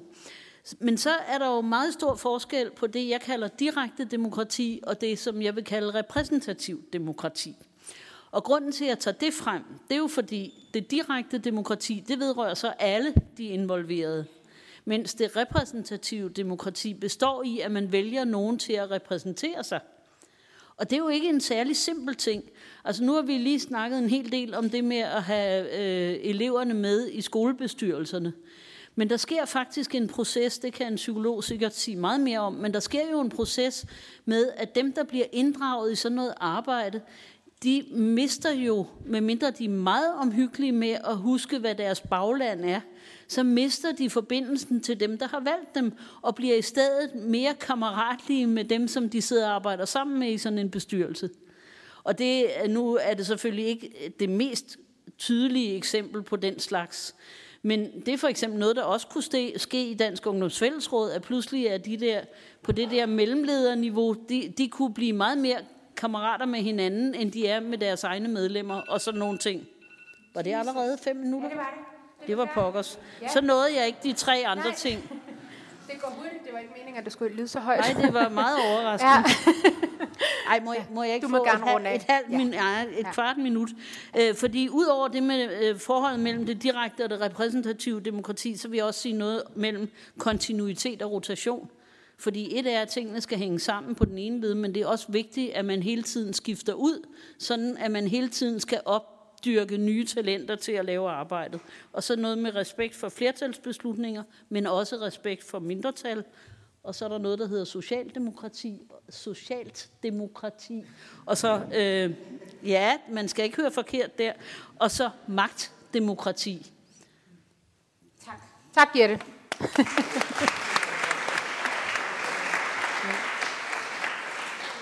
Stefanie, vil du øh, fortsætte, og så prøve at gøre det uden lyd den her gang? Er det jeg, jeg tror. Først, eller først tusind tak for invitationen. Det er altid dejligt at få lov til at fortælle omkring, hvad det er, vi arbejder med øh, ude i kommunerne, og også blive udfordret på det, vi går og gør. Altså i Bilum Kommune, der har vi et helt særligt børnesyn.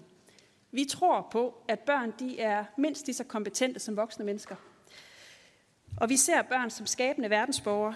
Børn de er eksperter, Børn og unge er eksperter i at leve i verden på en måde, som vi voksne ofte har glemt. De ser det skjulte og stiller spørgsmål til øh, den måde, vi øh, forstår verden på, og den forforståelse, vi har.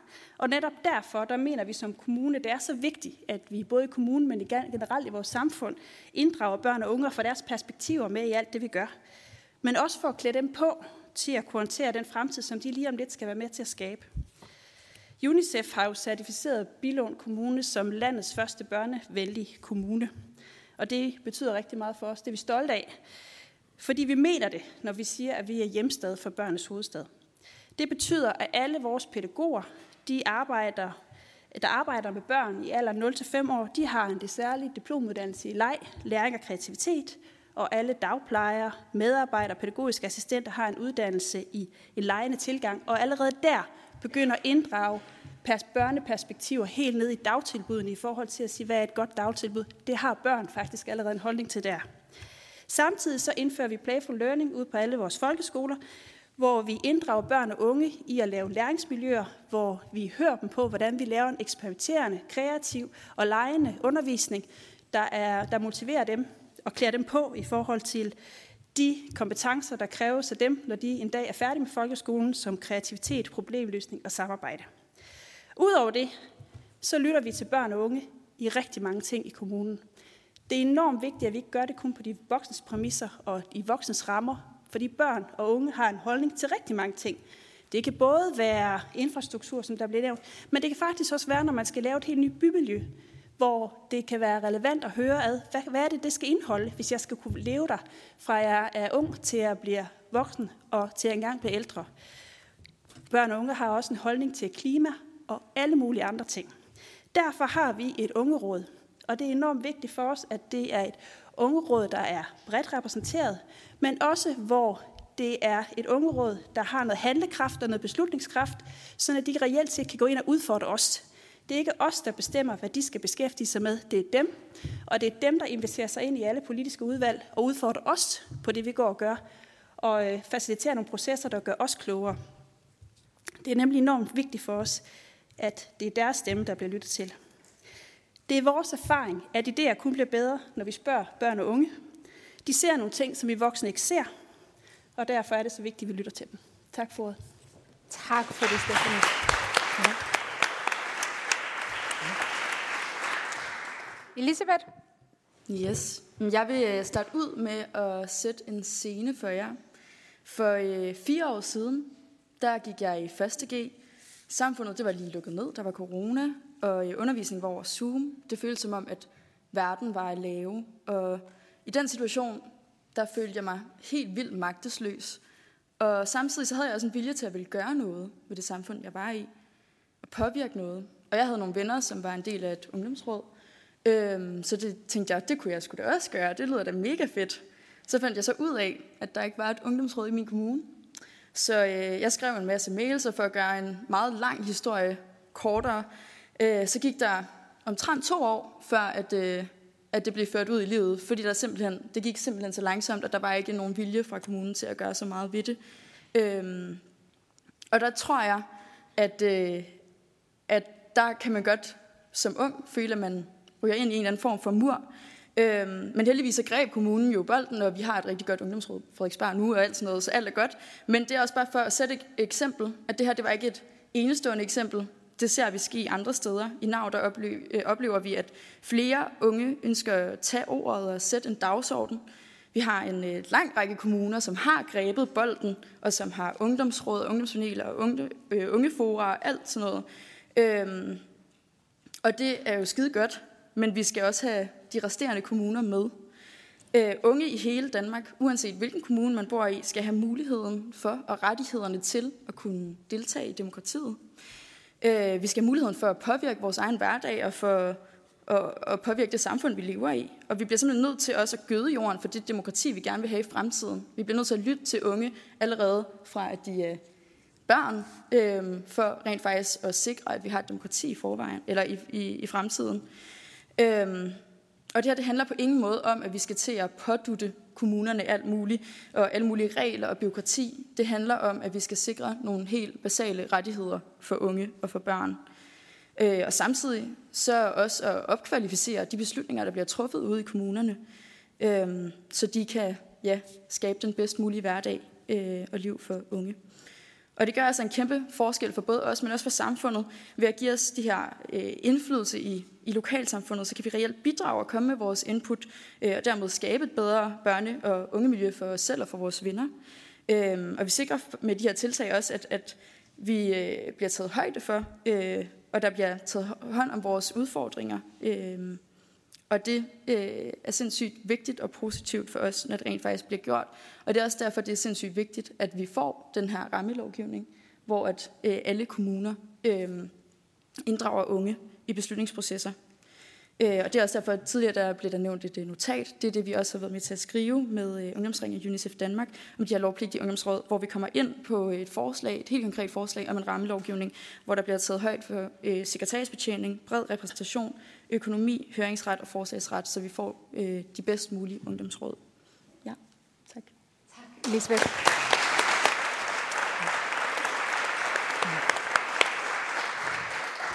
Sidst, men ikke mindst, Eva? Ja, mange tak. Og øhm, jeg vil gerne pådute kommunerne noget, vil jeg så sige. øhm, ja, mit navn er Eva Mærsk. Jeg øh, har lavet en øh, Ph.D. i sociologi, og nu sidder jeg under Nordregio øh, under, øh, som specialkonsulent. Mit øh, hovedbudskab i dag kommer til at være, at når vi taler om ungeinddragelse, skal det faktisk ikke handle om de unge, det skal handle om de voksne. Øh, vi har allerede en masse unge, der er engageret. Vi har en masse unge mennesker her i lokalet. Der er masser af engagement, der er masser af motivation, der er masser af holdninger. Det handler om, hvordan vi laver plads til dem. Det er det, det vi skal tale om. Vi skal tale om de voksne, og vi skal tale om de organisationer, som skal være med til at gøre plads. Øh, min erfaring er, når vi taler om ungeinddragelse ude i kommunerne, så det første, der sker, er, at der bliver snakket om, enten nu laver vi et ungeråd, eller også så skal vi spørge de unge om, hvad de gerne vil have. Vi ved godt, hvad de unge gerne vil have. De vil gerne, de vil gerne blive lyttet rigtigt til. De vil gerne have offentlig transport, de vil gerne have adgang til uddannelse, de vil gerne have godt mentalt helbred, de vil gerne have lave, lave noget i deres øh, fritid. Det er nemt, vi ved det godt, men når vi spørger og bliver ved med at spørge uden at handle, så kommer vi faktisk til at lave dårlig ungeinddragelse. Vi kommer til at lave youthwashing, og når øh, Christine snakker om, at der er en skala i kvalitet for, øh, hvor god ungdomsinddragelse er, hvis vi kigger på participation-forskning, når vi er på de nederste trin, hvor at der er en åben dør, men hvor der ikke bliver lyttet, så er det decideret skadeligt for, øh, for vores ungeinddragelse og for vores unge opdragelse. Så det, som jeg håber på, at vi skal debattere, det er altså også, hvordan er det, vi laver strukturer for det modsatte. Vi skal ikke tale om, hvordan vi øh, giver flere kurser til DUFs øh, unge medlemmer om, hvordan de kan deltage i demokratiet. Vi skal give flere kurser til de voksne i, hvordan de inviterer de unge ind. Vi skal ikke tale om, hvordan vi empower ungdom. Vi skal tale om, hvordan vi depower de voksne. Det er det, vi bliver nødt til at tale om, for ellers kommer den plads ikke til at være der til alle dem, der øh, er til stede. Tak. Eva.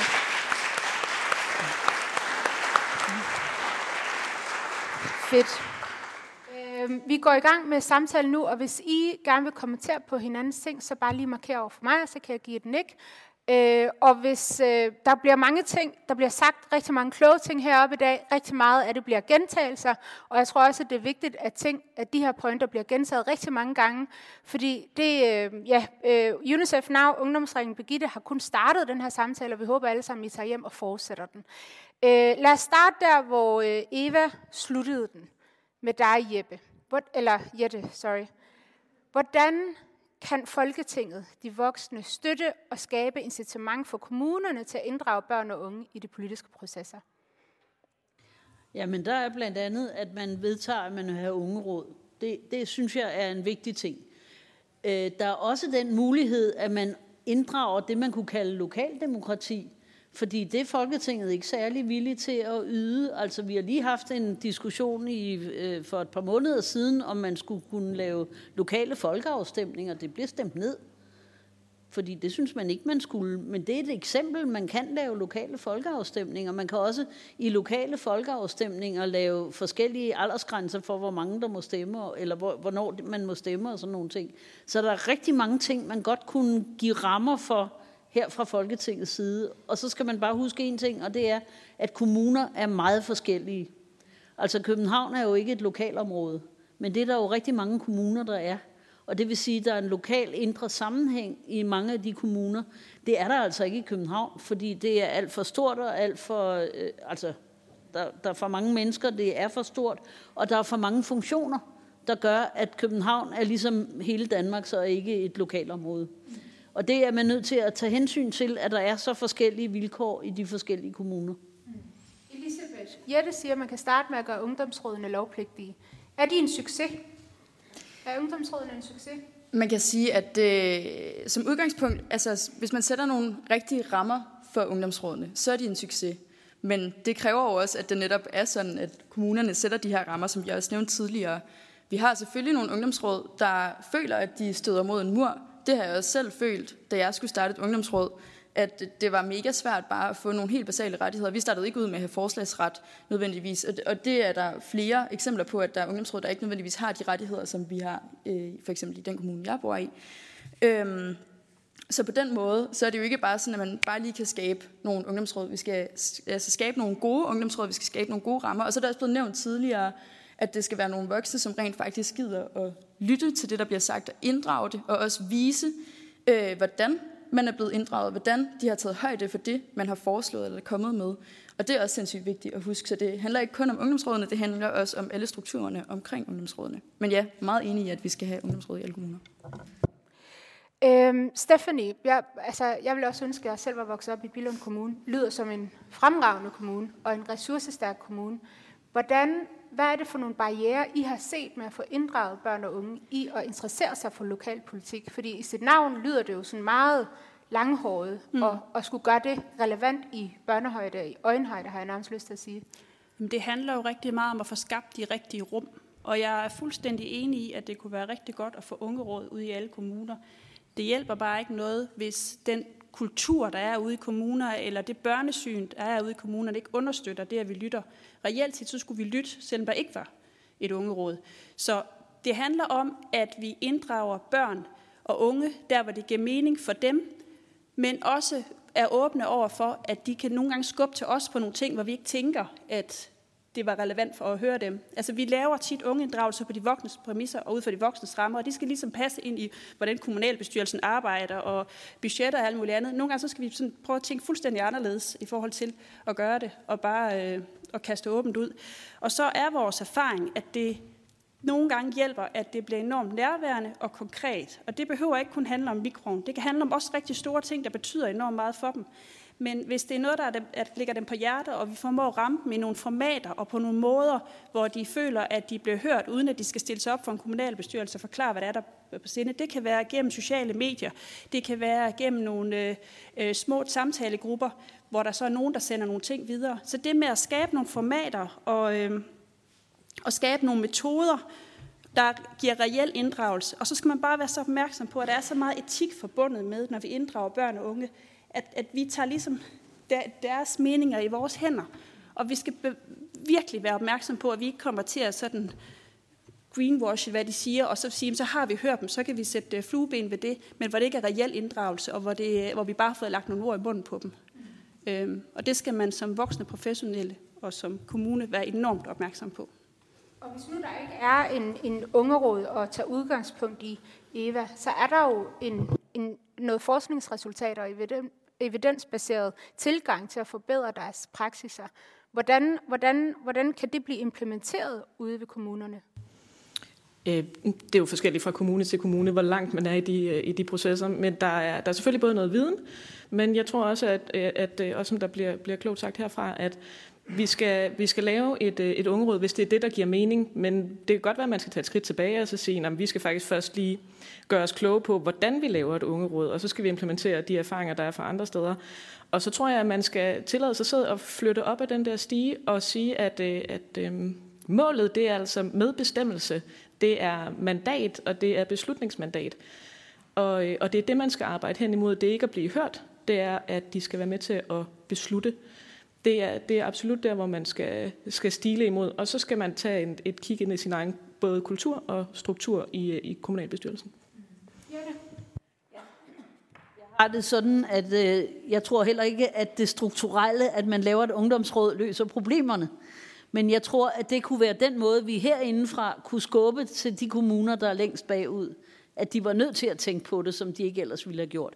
Men jeg vil give et eksempel, fordi en af de ting, som jeg synes er enormt vigtig, og som har forandret sig rigtig meget, det er øh, børn og unges mulighed for mobilitet. Altså, da jeg var barn, der cyklede jeg alle steder hen selv. Og allerede da jeg kom i børnehave, gik jeg selv hen til børnehaven. Nu bliver man transporteret jeg færdedes, men børnene nu om stunder, de bliver jo transporteret. Og det synes jeg er en svaghed, fordi det, er, det at færdes er en del af det at finde ud af, hvad ens omgivelser og verden er. Altså, der skal laves nogle helt andre transportsystemer, som sikrer, at børnene selv, unge selv, kan transportere sig uden at være afhængige af at skulle øh, køres af nogen. Og det tror jeg er en af de allervigtigste faktorer til at udvikle en, øh, hvad skal vi sige, en opfattelse af, hvordan man kan være med til at bestemme ting.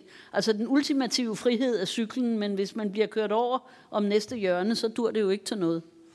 Er det en af de allervigtigste faktorer, Eva? Øh, det er faktisk en enormt øh, vigtig faktor. Øh, transport er det, der bliver debatteret på nordisk, dansk og, og europæisk plan for, for rigtig mange øh, børn og unge. Og jeg tror faktisk, det sætter også hovedet på sømmet i forhold til, hvad der er svært i ungeinddragelse. For det, som mange unge råd kommer til deres kommune og siger, det er offentlig transport. Og så får de en oplevelse af, at det kan min kommune ikke honorere, så min stemme er nok ligegyldig. Og det handler jo ikke om, at kommunen ikke vil, men det handler om, at der nogle gange ligger nogle beslutninger på nogle andre niveauer end i kommunen, og derfor kan noget af vores ungdomsinddragelse øh, komme til at blive rigtig besværligt for kommunerne, når de faktisk ikke kan gøre noget ved det, de bliver bedt om.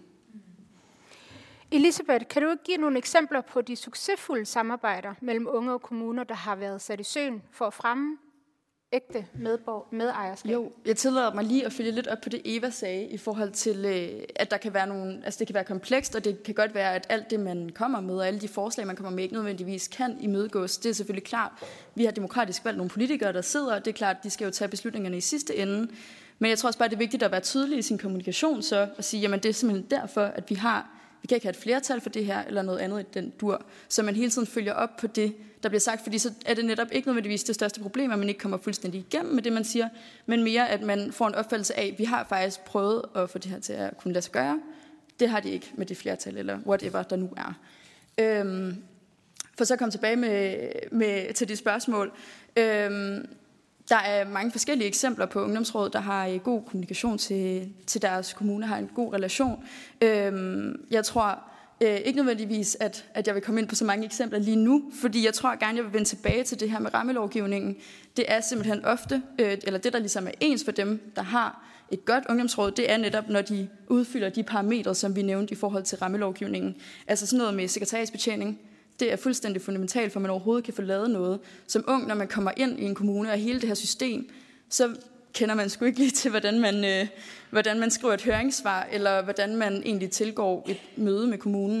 Det er sådan nogle helt basale ting, der er sindssygt vigtige, som man så lærer hen ad vejen. Men hvis ikke man har nogen, øh, der er tilknyttet kommunen til ligesom at introducere en eller sådan godt til det her, så, øh, så er det virkelig svært at, øh, at engagere sig øh, og komme med nogle politiske budskaber.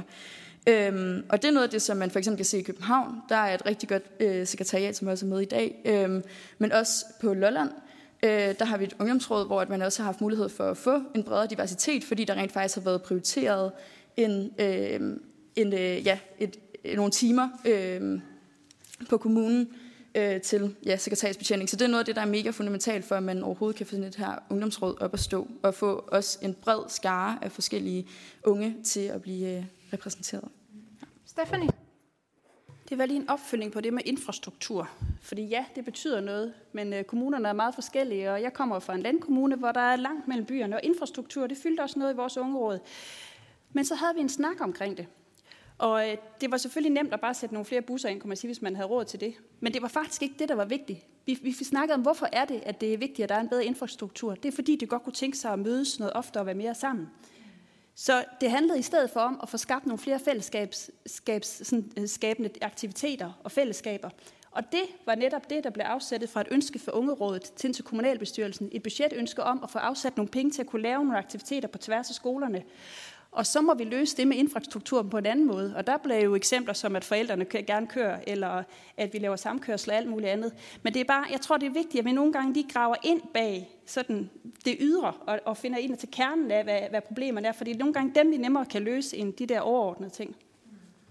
Og, og måske også i forlængelse af det, Eva, hvordan, hvordan får man så de kommuner, men også børn og unge, der måske er mindre ressourcestærke, med til faktisk at have noget lokalt med ejerskab? Øh, det er helt vildt svært øh, at gøre. Men det tror jeg også, at vi skal være ret ærlige om, at det er. Og jeg tror øh, nogle gange, at, øh, at når man taler om, at hvordan får vi de ressourcestærke med, og ikke sørger for, at det er tordenskjoldsoldater af de unge, der endnu engang står der, øh, det tror jeg, det er meget vigtigt, at vi ikke bruger det som argument for, at ungerådet eller den, øh, dem, der er repræsenteret, ikke er valide. Fordi hvis vi først begynder ikke at lytte til dem, fordi de ikke er diverse nok, så kommer de ressourcesvage i hvert fald slet ikke med. Og jeg tror, det er helt rigtigt, at de ressourcesvage, øh, hvis vi skal kalde dem det, handler jo tit om, at de bliver løftet, øh, når vi har øh, nok, øh, nok, øh, nok ressourcer i uddannelsessystemet og i øh, foreningslivet. Det er der, hvor, hvor vi får dem med. Det er igennem det, der skal støttes, hvis det er de ressourcesvage stemmer, der skal høres. Øh, det er ikke nødvendigvis igennem en kvote i, øh, i et ungeråd. Jette, hvad er de, inden, inden jeg måske lige stiller spørgsmål, så må jeg gerne begynde at gøre jer klar til at stille spørgsmål, og så tror jeg, der kommer nogle mikrofoner rundt. Øhm, hvad er de største udfordringer og muligheder øh, for kommunerne faktisk at implementere for eksempel lokale ungeråd? Ja, det er først og fremmest indsigt, forståelse af, hvor vigtigt det er. Øh, der er ikke nogen strukturelle øh, barriere i virkeligheden.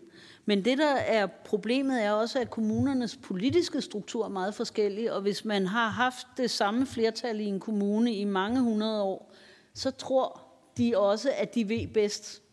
Og der tror jeg, det er vigtigt, at man inddrager nye tanker, og det gør man bedst ved at spørge de unge. Men det er ikke sikkert, at man selv har den indsigt. Så derfor tror jeg, at det er meget vigtigt at være åben over for at høre, hvad er det, der er det vigtigste og det bedste. Og den der, det der eksempel med transporten, ja, det er rigtigt, det er, jo ikke, det er jo ikke ligegyldigt, hvor man vil transporteres hen. Men for mange unge er det jo en belastning, at de er nødt til at have andre til at transportere sig.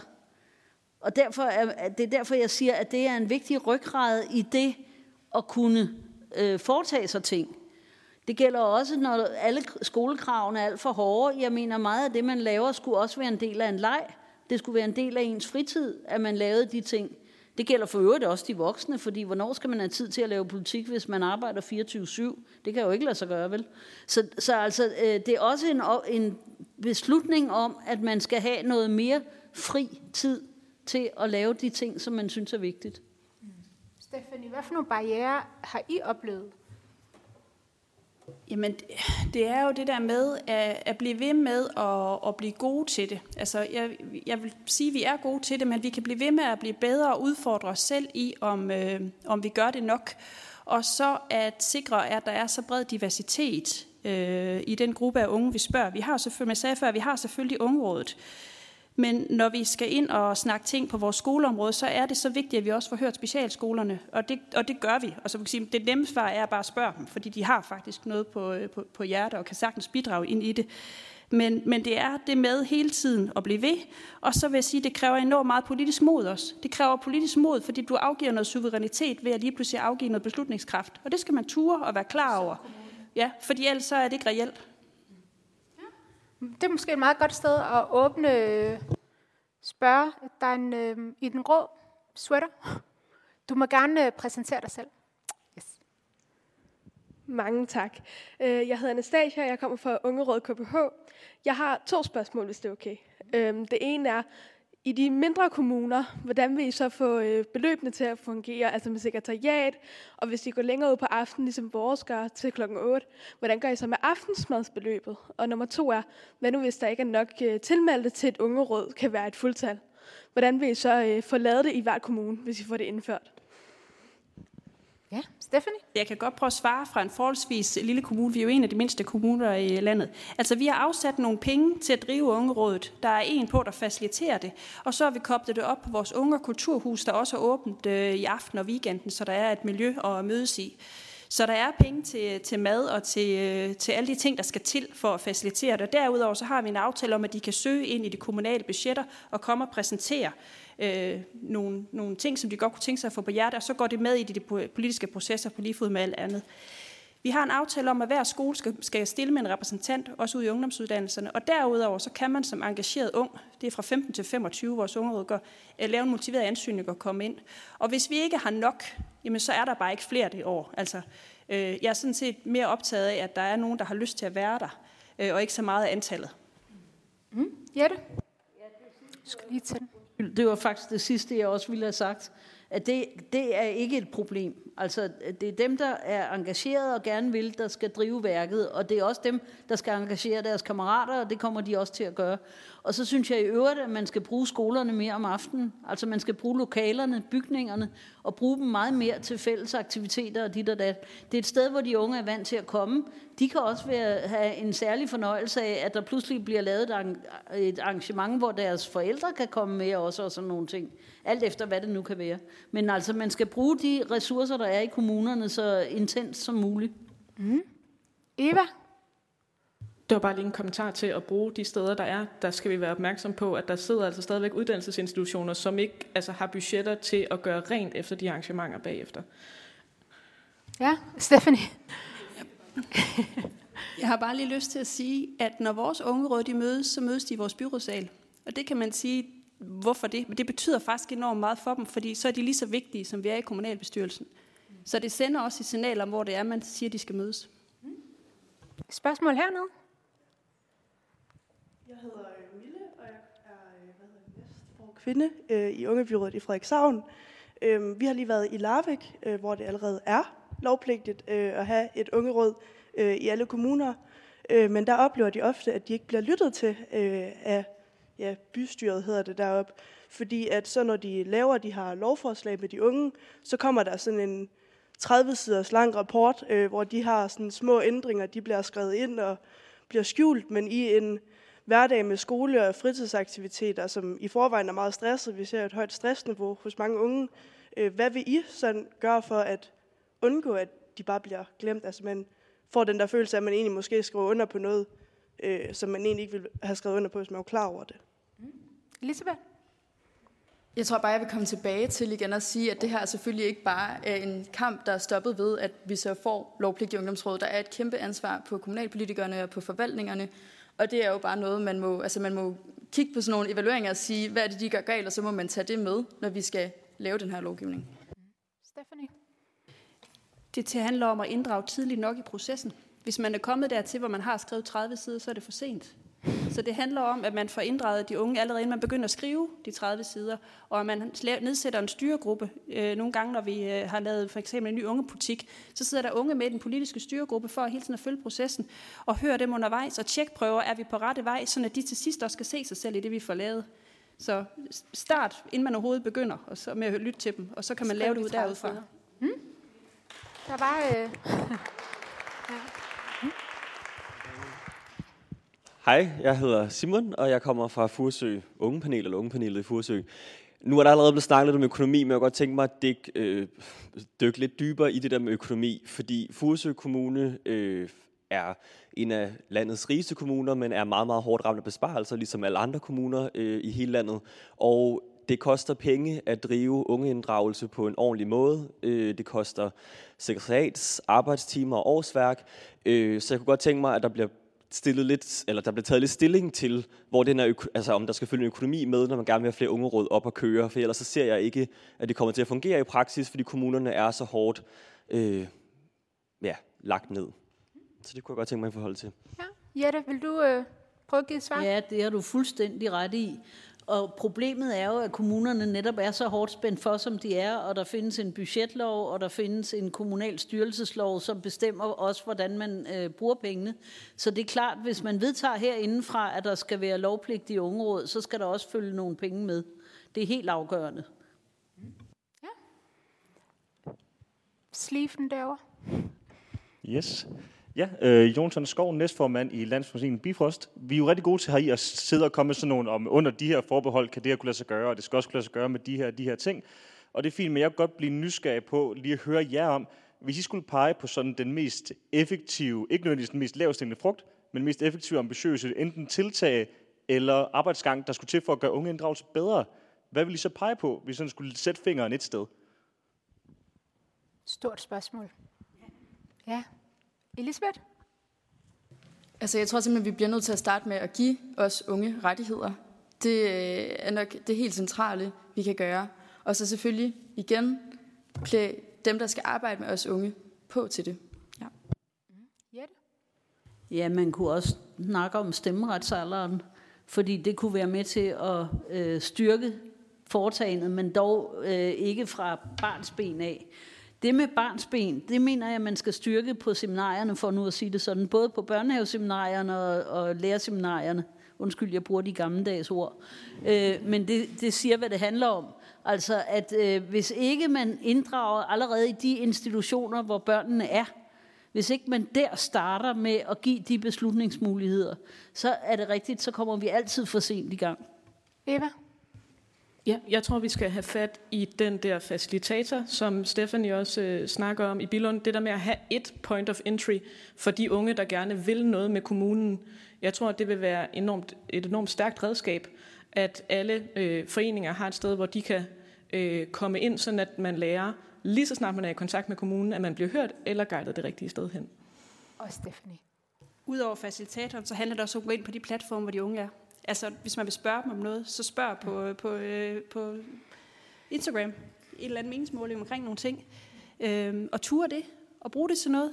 Og så, at når vi har nogle opgaver, gør det meget konkret. Vi tænker hele tiden, at vi skal have noget af de unge, men de skal altså føle, at de har noget med hjem, når de har givet noget. Så hvis vi vender magt- og styrkeforholdet om, så tror jeg faktisk, at vi har nogle unge, der har lyst til at engagere sig.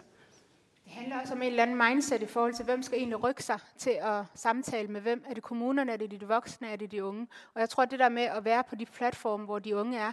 Altså jeg læste på en hjemmeside, hvor jeg tænkte, at man skulle indsende et eller andet, og jeg skulle printe en pdf ud, hvor jeg var sådan, men I er jo på Instagram, hvorfor kan jeg ikke bare skrive til jer der? Så jeg tror også, at det er en rigtig god pointe. Der er en hånd der. Jeg hedder Marie, og jeg kommer fra Københavns Ungeråd. Og i vores ungeråd, der har vi altså ret til at lave tre indstillinger om året, som politikerne i kommunen de skal tage stilling til. Og øhm, det gør, at vi ligesom på en eller anden måde får et rigtig stærkt mandat i vores kommune, hvor at de unge bliver lyttet til, fordi at politikerne er tvunget til at tage stilling til det, vi kommer med. Så jeg vil rigtig gerne høre jer, hvor stort et mandat skal ungerådet have i kommunen? Stephanie? Jamen, jeg synes, de skal have rigtig stort mandat, og jeg ser rigtig gerne, at de kommer med indstillinger. Men jeg tænker også, at det, så har vi også en opgave som politikere i forhold til at forklare, hvordan øh, foregår hele den proces, øh, og hvordan ser verdensbilledet ud.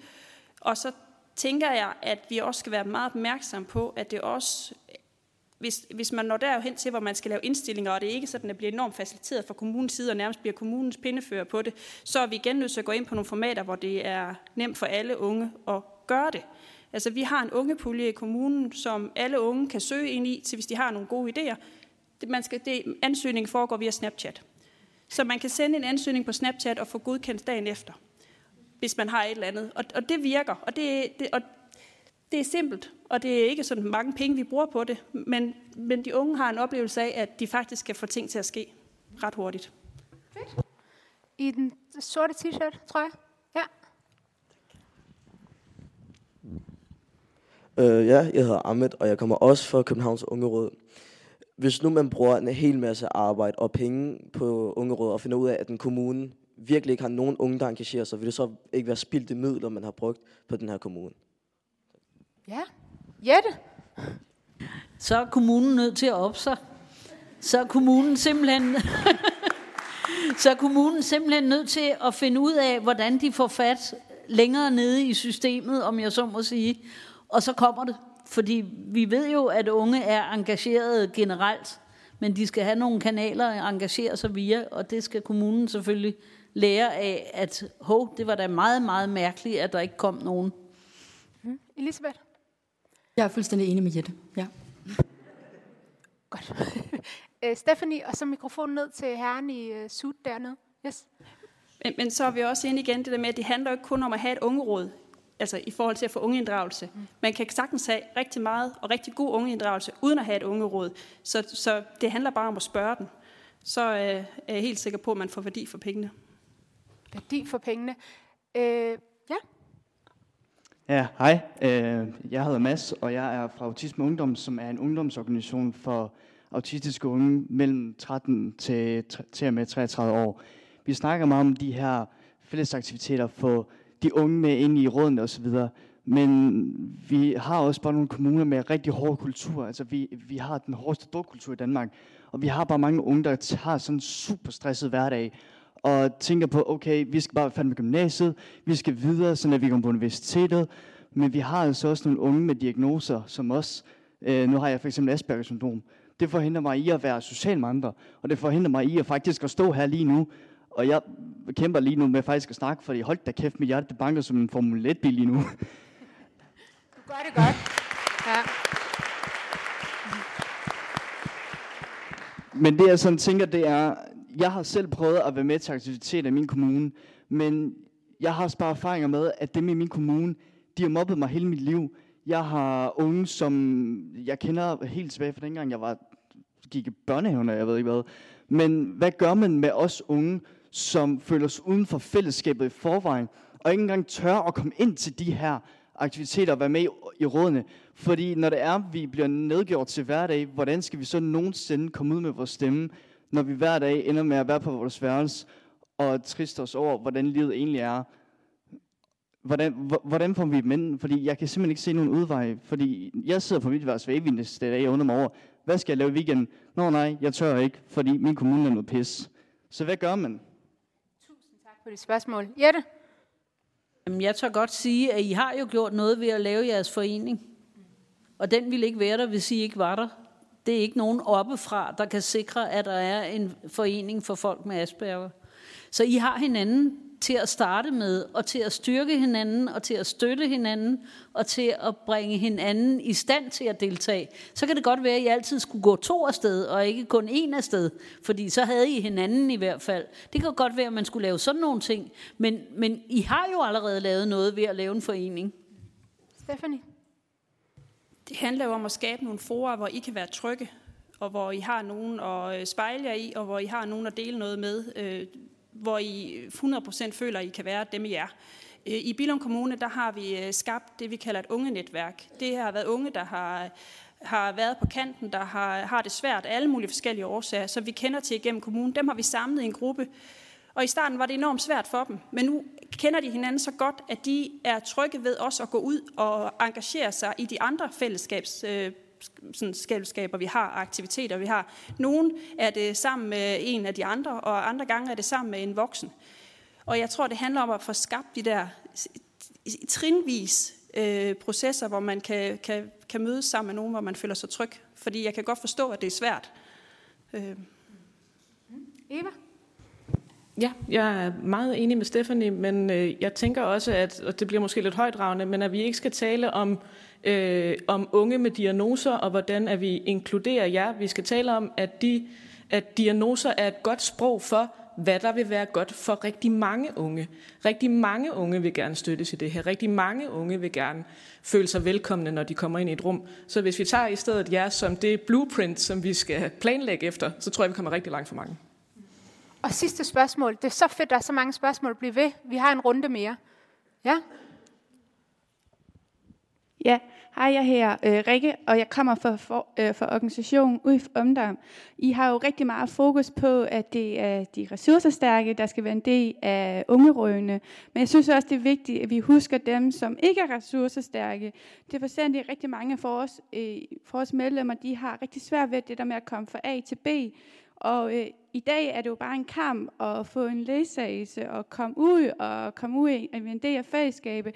Så jeg synes også, det er rigtig vigtigt, at vi har fokus på, at en ledsagelse kan faktisk også være med til, at vi kan komme ind i ungeråd, vi kan komme ind og få en gratis stemme, vi kan begynde at have fokus på det kommunale, hvad det, så vi også laver et fællesskab for unge mennesker, der faktisk også har et særligt behov, men også at vi bliver understøttet i, at vi kan få lov til at forstå, hvad der sker til møde, som Birgitte hun nævnte i indlæggene, at vi har rigtig svært ved at forstå, så vi har også brug for noget tolkning. Så, så jeg håber, at de her unge råd, de bliver et bliver et forum, hvor der er plads til alle, uanset hvorfor nogle behov. Så der også er plads til jer for autist ungdom, så der også er plads for mennesker med synshandicappe, men også at, at, at det der med, at vi ikke at vi begynder at lave samfund, hvor vi inkluderer mennesker, men ikke laver grupper, laver grupper for mennesker med handicap, og så laver vi nogen for jer, som går på en normal gymnasie og kan vedreve i normal elevråd, men at vi får noget, der vi får et fællesskab synes jeg faktisk er et rigtig godt sted at slutte af. Ja. Og en vigtig pointe. Mm. Elisabeth, vil du øh, hurtigt? Ja, altså jeg er fuldstændig enig. Det er sindssygt vigtigt, at de her ungdomsråd ikke bare er for de ressourcestærke. Og det er også derfor, det kræver, at man investerer i ungdomsrådene. Sådan så det netop er et overskud til at inkludere alle og skabe en, øh, et bredt øh, ungdomsråd. Og med det vil jeg sige tusind, tusind tak til hele panelet. Og vi skal være tilbage, kan, kan jeg sige øh, 55, så skal jeg lige lidt i pausen. Så vi er tilbage 16.55. Tak. Ja. Ja.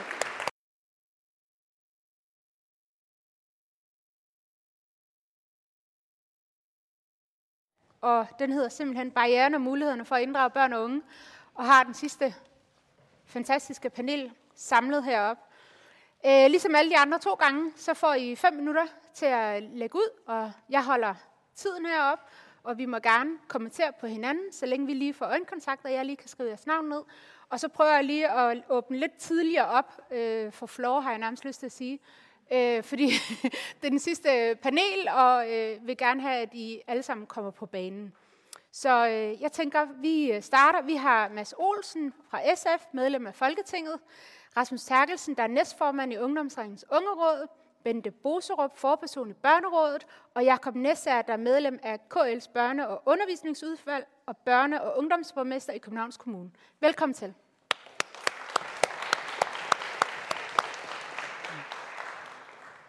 Godt. Mads, vil du øh, lægge ud? Det vil jeg gerne. Sådan der. Jeg hedder Mads, jeg kommer fra SF, jeg er her i dag, fordi jeg synes, det er vigtigt, at vi ændrer os unge. Og jeg siger også unge, fordi jeg selv synes, jeg er ung som 22-årig. Øhm, selvom jeg nogle gange godt kan tømme mig i to dage. Men det grund til, at jeg synes, det er vigtigt, det er fordi, at vi unge, vi kan noget andet, end mange andre kan. Vores stemme er ikke dårligere end de ældre stemme, bare fordi vi er unge. Den er netop vigtig, netop fordi vi er unge.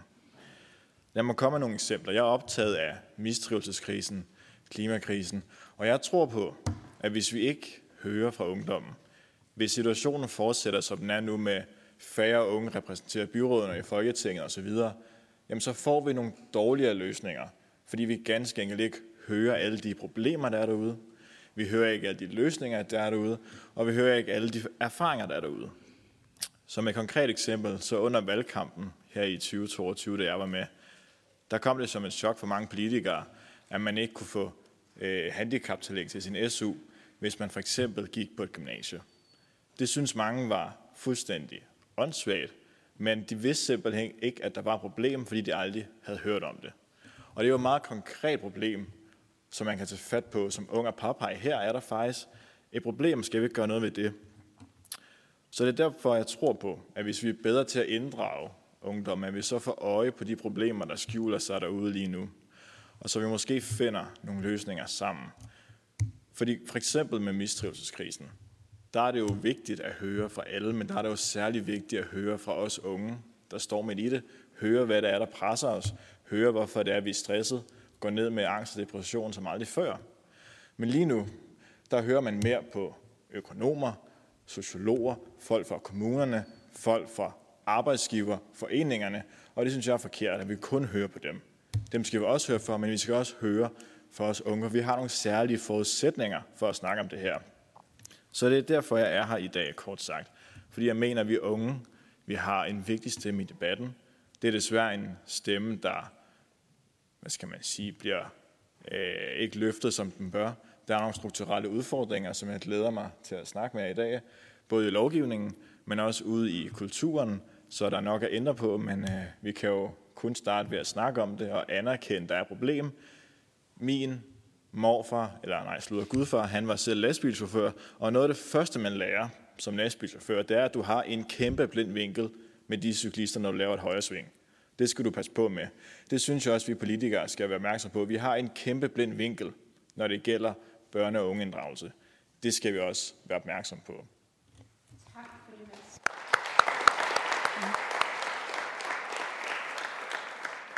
Rasmus? Ja, jeg hedder Rasmus. Øhm, jeg har været en del af ungeinddragelse i cirka tre år, og det startede faktisk i mit øh, lokale elevråd, og så er ligesom eskaleret derfra øhm, og bare blevet større. Og nu er jeg næstformand i Ungdomsringens fantastiske elevråd, fyldt med engagerede unge, der er klar til at gøre lidt ekstra for, øh, for unges rettigheder. Vores ligesom øh, hemmelige opskrift for den drivkraft, vi har, vil nok sige, at vi skaber relationer sammen, og at vi er med til at støtte hinanden i de budskaber, vi har. Det skal ikke være op til kommunerne, om de vil prioritere unges stemme. Øhm, ofte bliver vi unge mødt af fordomme øhm, og alt for mange forventninger. Det kan være med til at skræmme os og være med til at nedbryde vores demokratiske selvslid. Det er for eksempel i ungeinddragelse, for som sagt tre år siden for første gang, havde voksne enten alt for mange forventninger til mig, eller havde den overbevisning, at jeg slet ikke var værd at bruge tid, penge eller energi på. Øhm, voksne har Voksne har oftest ikke taget mig med i særlig mange beslutninger, fordi jeg netop ikke har særlig meget livserfaring, fordi jeg er ung. Øhm, og voksne bliver også nogle gange overrasket over, hvor meget vi egentlig ved, når vi så endelig bliver spurgt. Og øhm, undskyld, hvis det lyder hårdt, men har, er det virkelig så, sådan en stor overraskelse, at vi unge ved noget? Bare fordi vi er unge, så er det ikke ens tid med, at vi er dumme. Øhm, der er alt for mange voksne, der ikke giver os en chance. Øhm, og det har vi brug for, for at vi kan deltage i debatten. Øhm, men nogle voksne inviterer os så til møder, øhm, og der er mange, der så blandt andet personligt har så nedgjort mig, når jeg så åbner munden. Og igen, vi har brug for en chance. for at vi kan deltage i debatten. Jeg gider i hvert fald personligt ikke at sidde til et møde, hvor ingen gider at høre på det, jeg har at sige. Øhm, nogle voksne inddrager også unge, og det følger os for voksne et, ind, et ansvar øhm, og et rum, hvor vi kan i tale til det, vi ved noget om, men samtidig også et rum, hvor vi kan sige, når der er noget, vi ikke ved noget om. Nogle voksne øh, spørger os dog, heldigvis. Øhm, men igen, der er en tendens til at forvente, at vi enten har løsning eller ved hele planen. Og det gør vi altså ikke altid. øh, men vi vil godt være en del af processen i samarbejde med de voksne. Det handler ikke om, at, øh, at vores navn står på dagsordenen, fordi det lyder fedt at have en ung med. Vi beder ikke om falsk ungeinddragelse, vi beder om at blive hørt. Øh, ungeinddragelse kan samtidig også være byttestenene for den dag, du fylder 18, fordi det kan være rigtig svært at sætte sig ind i politik, hvis du ikke ved, hvordan det hele fungerer. Og det vil ungepolitik øh, kunne være med til at gøre. Og det er kun en positiv ting at inddrage unge, fordi der er sådan en værdi i, at, øh, at unge kan gøre en forskel for deres omgivelser, for deres kammerater og andre.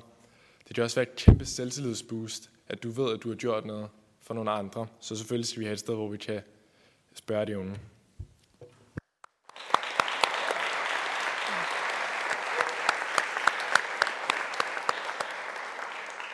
Tak, Rasmus. Bente. Ja, tak. Jeg har i mange år været, I kan se, jeg er gammel jo, i modsætning til mange andre her i dag. Jeg har i mange år været meget optaget af, hvordan vi inddrager børn og unge i alle de forhold, der vedrører dem. Jeg har inddraget børn og unge, der har stået i rigtig svære samlivssituationer, for at høre om deres anbefalinger til sagsbehandling, til fagpersoner, til børnepolitik. Hvad skulle have været anderledes? Hvad ville have været hjælpsomt? Og hvad fungerede ud fra deres perspektiv, når det for eksempel drejede sig om to års fravær i skolen, meget komplekse skilsmisser, anbringelser, familiedrab, vold og overgreb. Lige netop de her børn, de har rigtig gerne vil bidrage til at give en viden om, hvordan andre børn kunne komme bedre igennem livskriser, end de selv kom. En meget stærk motivation. Og når jeg i dag starter med at nævne lige præcis den her gruppe af børn og unge, så er det fordi, jeg meget stærkt vil opfordre til, at vi ikke glemmer dem, når vi taler inddragelse af børn og unge i kommunernes arbejde.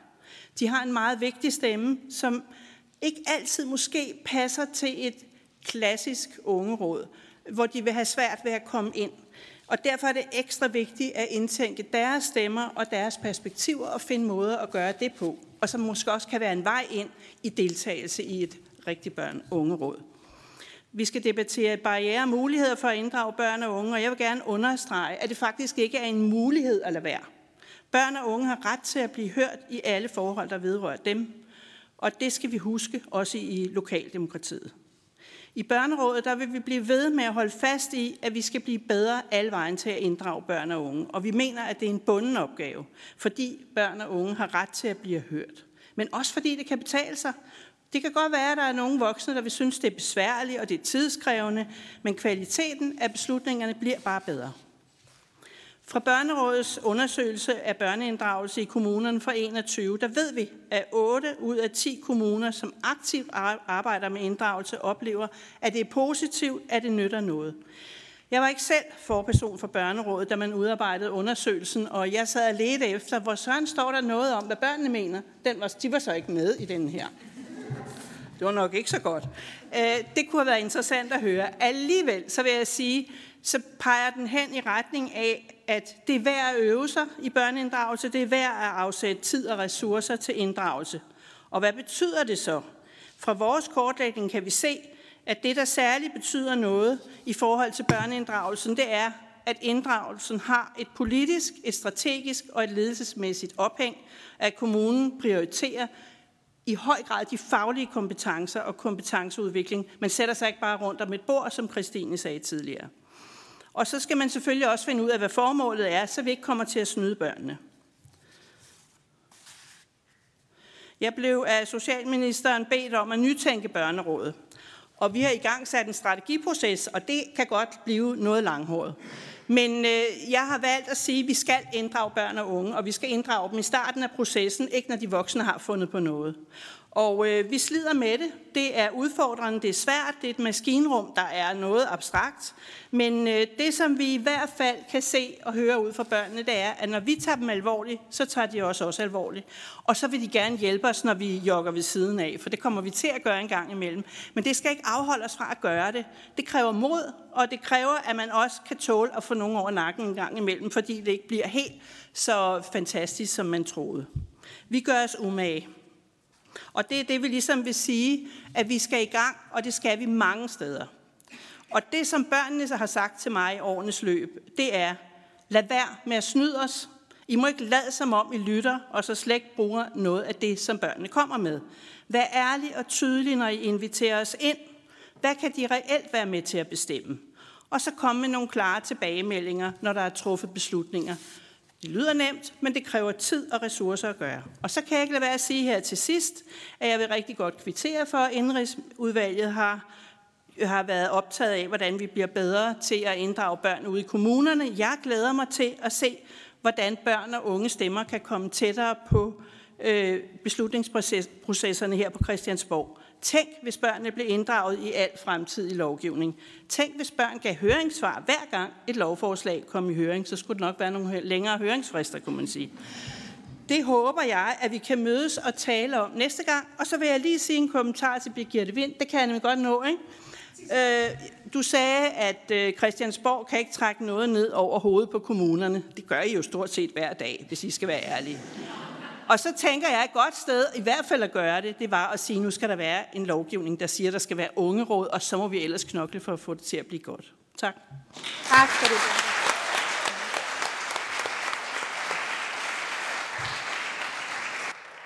Sidst, men ikke mindst, Jacob.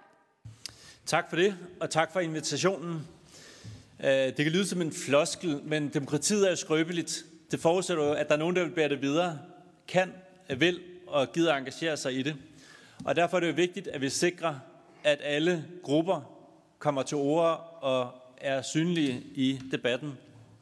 Hvis jeg lige skal give et svirp, så er det jo rart, at der i modsætning til de to første runder er flere køn repræsenteret i panelet. Men jeg synes, at vi har pligt til, uh, som politikere, uh, men også øh, som mennesker, at sikre, at alle grupper bliver hørt, at vi har et blik for det. Det forudsætter demokratisk dannelse. Det kommer ikke af sig selv. Det forudsætter nok også øh, undervisning i demokratiet. Hvordan er det, man øh, gør? Det blev nævnt her, når man skal starte et ungeråd op. Hvordan er det, så man lige øh, gebærder sig? Så øh, uddannelse i, hvordan fungerer demokratiet? Og så er det også nødvendigt med engagement. Øh, nu blev der spurgt til, hvis ikke der er tilstrækkeligt, der melder sig. Det er der heldigvis i København. Men engagementet er også vigtigt. Og så som Bente lige nævnte, det skal være reel indflydelse. For hvem gider at blive, øh, få en høring, og så er der, er der ingen, der gider at lytte. Så det her med, om det skal være obligatorisk. Altså, man kan jo beslutte, at der skal være nok så mange unge råd. Men det forudsætter at der er åbne ører, så der er nogen, der gider at lytte. For ellers så bliver det jo ligegyldigt. I øh, København har vi valgt at øh, give ungerådet initiativret så at man har mulighed for at stille øh, forslag i øh, børne- og ungdomsudvalget, men også i borgerrepræsentationen. Og det giver jo reel indflydelse, at man har mulighed for at sætte et øh, punkt på dagsordenen, og også at man har mulighed for at møde op og motivere, hvorfor er det, man synes, at det her er en god idé. Så øh, demokratisk dannelse, undervisning i demokrati, engagement og så reel indflydelse, tænker jeg er altafgørende så kræver det også gode forbilleder. Jeg er udstyret med noget data. Øh, det viser, at 18-årige, hvis deres mor stemmer, så stemmer 84 procent. Hvis deres mor ikke stemmer, så 30 procent. Så hvis vi skal have nogen, der går foran og bærer demokratiet videre og er nogle forbilleder, så forudsætter det jo nogle voksne, der gider engagere sig i det og viser, at det her fungerer. Og derfor er det jo altafgørende at have et blik for, hvem er det, der ikke er med i demokratiet. Og i hvert fald, jo flere af de møder, vi kunne få til at stemme, jo flere øh, børn og unge øh, tager forhåbentlig øh, engagementet op. Øh, Tusind tak til alle jer fra Københavns Unge, Ungeråd, at I kommer her og møder op i dag. I engagerer jer, I stiller spørgsmål, I er med til at sætte en dagsorden. Det viser jo i hvert fald, at demokratiet og øh, ungeinddragelsen i København øh, i hvert fald har et stort engagement. Så tusind tak for det. Tak for ordet. For det, Jacob.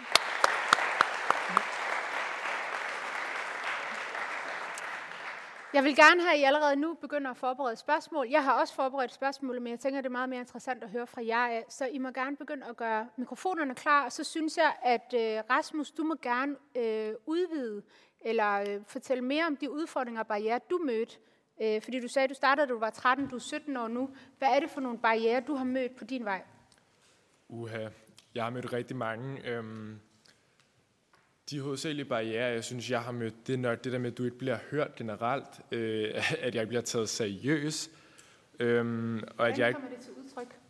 Åh, det er rigtig mange måder. Øhm, jeg tror ikke, jeg kan komme med et konkret eksempel. Øhm, men ja, jeg, jeg, ja, man kan bare mærke det på en speciel måde, at man ikke bliver taget seriøst, at man ikke bliver hørt.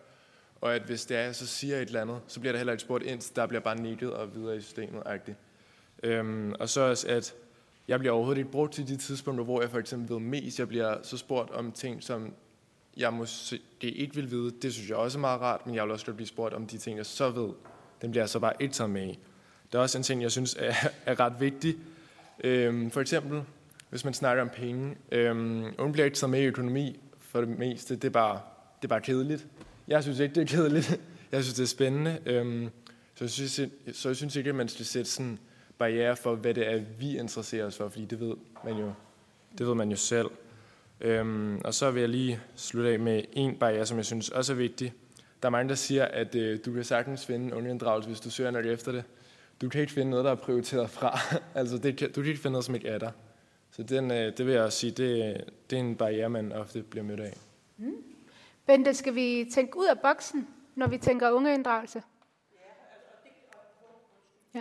ja, det skal vi, og det kræver mod jo at ture, fordi når man gør noget, hvor man bevæger sig ud på ukendt land, så risikerer man jo også at dumme sig, ikke? og hvem har lyst til det? Det, det er jo ikke der, hvor man står i kø. Men det bliver vi nødt til at så også turde sige til hinanden. Jamen altså lige nu prøver vi noget af. Det kan jeg jo også se med, med mange af de børn og unge, jeg har talt med. Jeg har da også øh, kommet til at stille et dumt spørgsmål, eller kommet til at gøre et eller andet på en forkert måde. Men det at være åben om, og det kan godt være, at jeg kommer til det, øh, og så er det fuldstændig okay, at du siger, det vil du ikke svare på, eller det her, det er en forkert vej at gå. Fordi så sender man jo også et signal om, at det er også okay for de andre at dumme sig. Så jeg tror, det er det, vi skal. Vi må ikke bare stivne i, at det skal være en slags ungeråd, og så køre den model ud over hele landet. Vi skal have det lovpligtigt, at man skal lave ungeråd, men hvordan det skal gøres, det øh, må man hver især finde ud af, og det skal de unge også være med til at udvikle. Vi skal jo ikke give dem en færdig øh, en færdig pakke og sige, nu den måde, vi gør det på. Det er jo lige præcis der, de skal inddrages fra starten. Øh, Mads, nu kommer vi igen ind på lovgivningen og, og, og lovkrav. Øh, og jeg ved godt, det er svært at svare på det her, men hvordan skal eller hvordan kan lovgivningen ændres eller tilpasses for bedre at understøtte børns og unges med ejerskab? Det er jo et stort spørgsmål. Altså, der er jo ting, man sagtens kan gøre. Øh, det kan også an på, hvordan vi snakker ungeinddragelse. Hvis vi snakker ungeinddragelse, som at man har flere kommunalbestyrelsesmedlemmer, regionsrådsmedlemmer som unge, så kan man for eksempel sige, at du ikke skal bo i kommunen for at være kommunalbestyrelsesmedlem. Det ved jeg ikke, om jeg selv er tilhænger af, men det er noget, man kunne sige, fordi det er blevet spurgt som 18-19-årig. Har du lyst til at stille op for SF øh, i lejre til kommunalbestyrelsen? Der sagde jeg nej, til dels fordi jeg ikke synes, at kommunalpolitik var så spændende dengang, men også fordi jeg godt vidste, inden for to år, der bor jeg ikke i Lejre mere. Der er jeg flyttet til en større by, Roskilde, København, whatever. Og det er jo det mønster, vi ser. Vi ser jo, at unge flytter hen mod de store byer, så vi har en, øh, en lovgivningsmæssig problemstilling. Der kan man sige, det er jo noget, man kunne overveje. Skal man lave en undtagelse for unge der? Det kan vi i hvert fald have en debat om. Man kan også have en debat om øh, et borgerting, simpelthen det er jo mere bredere end bare unge, men det er jo også samme problemstilling, man prøver at løse det med, at man hører borgerne, og dermed også øh, de unge. Det synes jeg selv kunne være en, en god idé at have herinde på Christiansborg. Et borgerting på 100 mennesker, sådan cirka, der SF før foreslået. Det er noget, man, man sagtens kunne kigge nærmere på, synes jeg.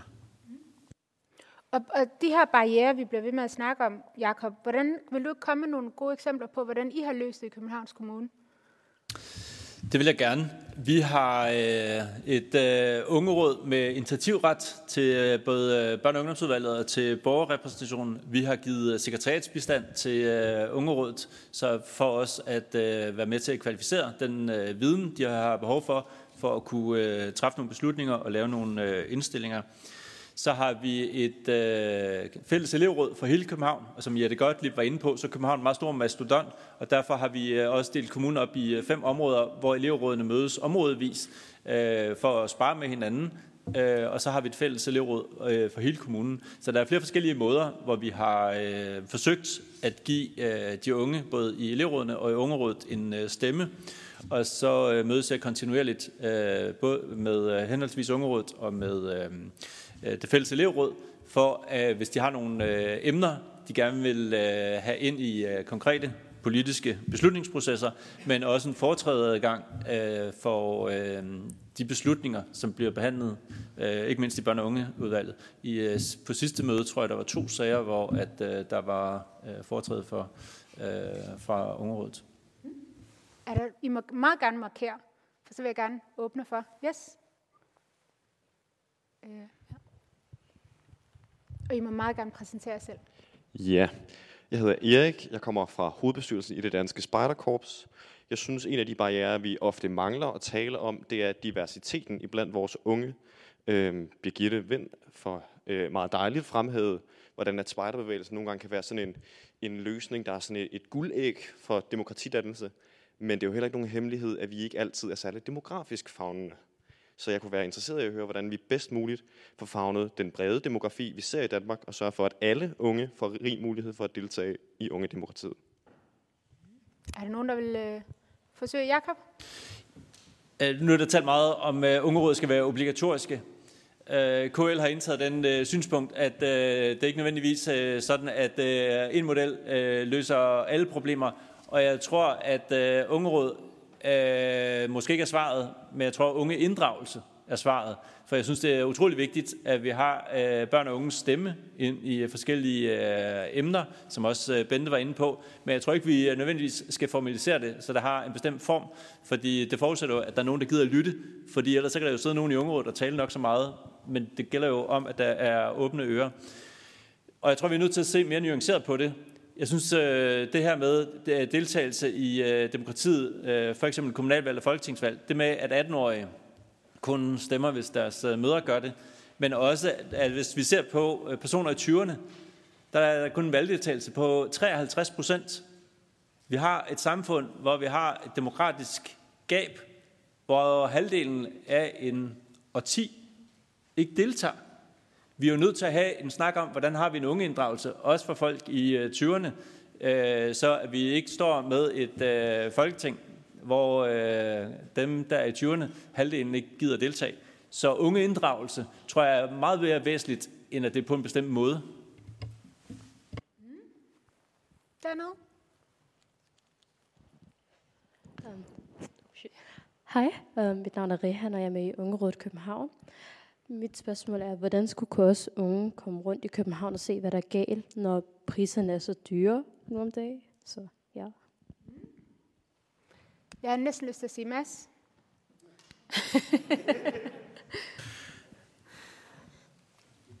det var faktisk et godt spørgsmål, det der med, det var også bredere end København, hvordan man ligesom ser noget. Altså, for eksempel der, hvor jeg kommer fra, der er der stor forskel på, altså, hvor i kommunen du er nødvendigvis.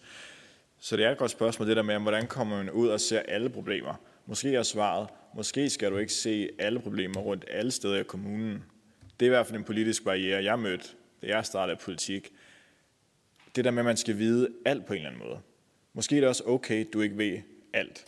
Måske er det okay, at du kun ved noget meget specifikt omkring et eller andet.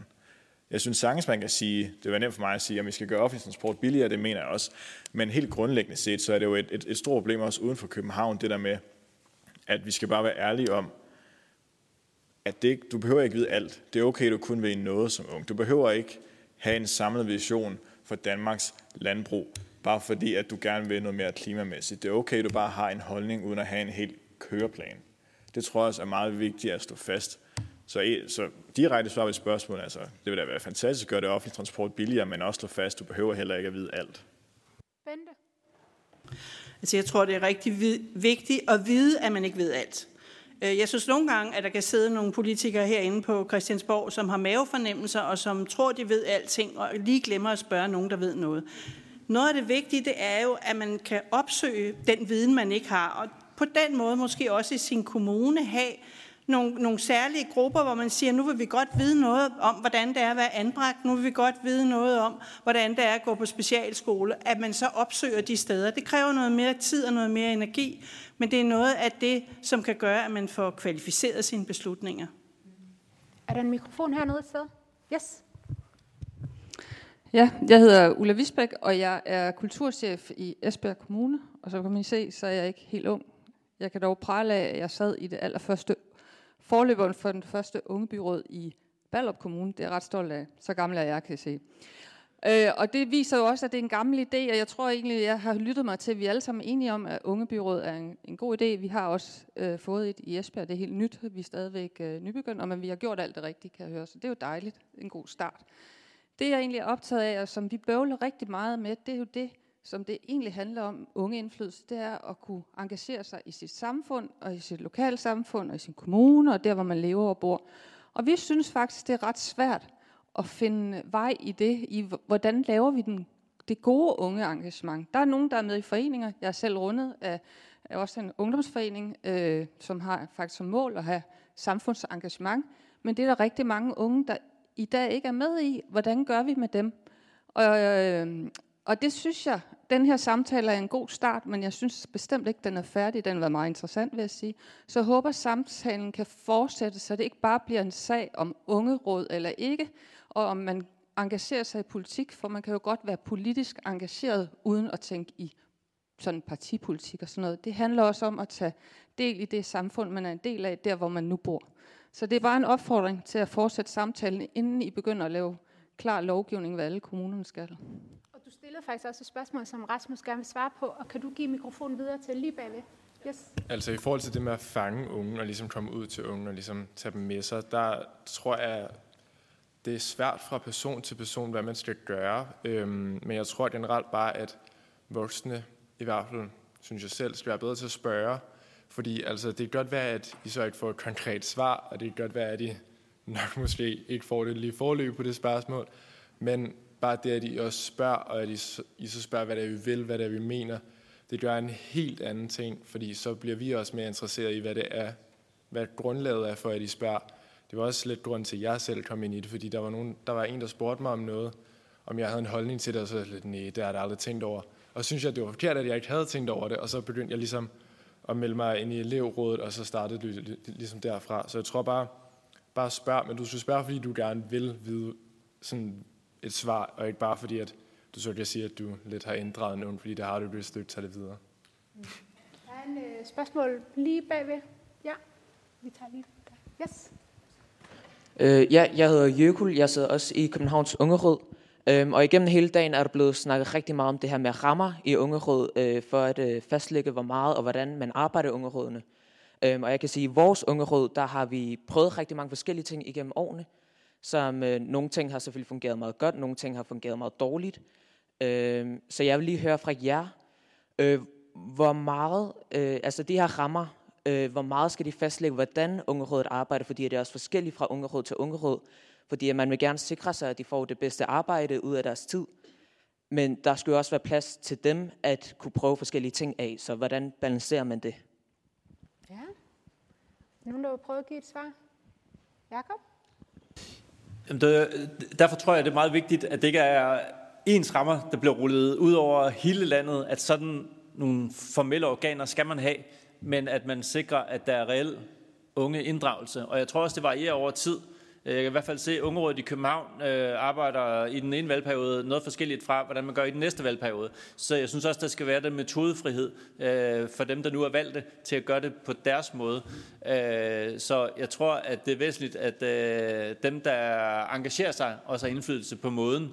Øh, og derfor er jeg noget skeptisk over for, at man ruller en model ud over hele landet, øh, hvis man skal sikre reel indflydelse. Jeg tror, det skal være dynamisk og meget afhængig af dem, der gider engagere sig. Der er en klog person, jeg kan ikke huske hvem, der har sagt, at demokratiet tilhører dem, der gider.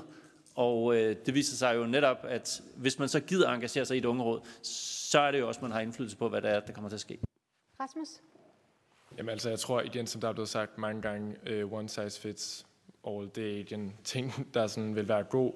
Um, jeg tror, at det skal være sådan, så at, eller jeg mener, at det burde være sådan, så at man lavede lokale vedtægter, der ligesom, ligesom formet det, fordi jeg tror ikke, du kan bare brede det ud over øh, alle kommuner, alle, alle mulige regler, fordi så bliver det jo næsten umuligt, fordi der er også forskellige mennesker, der er forskellige voksne, der er forskellige børn, altså så jeg tror med at lave sin egen vedtægt og ligesom selv forme det, fordi du udvikler dig også. Altså jeg har udviklet mig igennem øh, ungdomsringens underråd, fordi vi ligesom også har lavet tingene sammen, og jeg bliver taget med i beslutningerne omkring alt det, der ligesom bliver afgjort.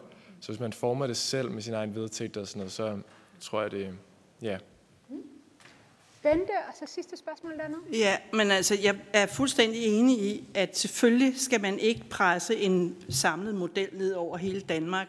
Men vi ved, hvor meget lovgivning betyder. Det er en signalværdi, at her i vores samfund i Danmark, der vil vi altså gerne have, at unge er med til at bestemme. Og de er en del af en demokratisk proces.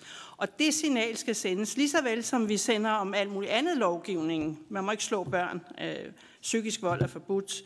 Øh, altså, at vi på den måde siger, at det, der er nogle ting, vi ikke vil have, så ved vi, og der er noget, vi gerne vil have. Og så bliver det jo bare ikke lavet om fra dag et. Det er en proces. Men øh, uden kompetencer er der ingen tvivl om, så går det ikke. Uden ressourcer og kompetencer, så kommer det heller ikke til at fungere. Øh, så, så det er noget, der skal følge med. Men ellers så er det jo op til de enkelte kommuner, hvordan de vil gøre det, og lade sig inspirere hinanden og inddrage de unge. Må jeg tage sidste spørgsmål, så kan du svare, Rasmus? Ja. Øh, ja, hej, jeg hedder Liva, og øh, jeg kommer fra Frederiksberg Unge Forum, og jeg har sådan lidt to spørgsmål. Så det ene er, i Frederiksberg Unge Forum, der bruger vi enormt meget tid og energi på at både at blive set og hørt, men også på at arbejde med sådan, eller sørge for forskellige praktiske ting.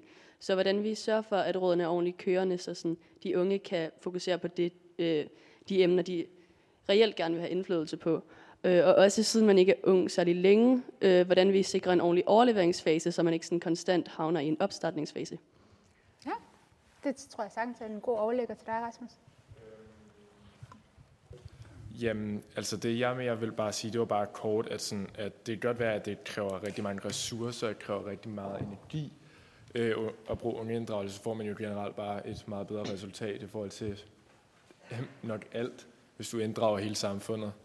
Øhm, men i forhold til det med, med ligesom at lave en god overlevering, det tror jeg er svært at svare på, fordi det, er meget, det går meget ind på kommunen.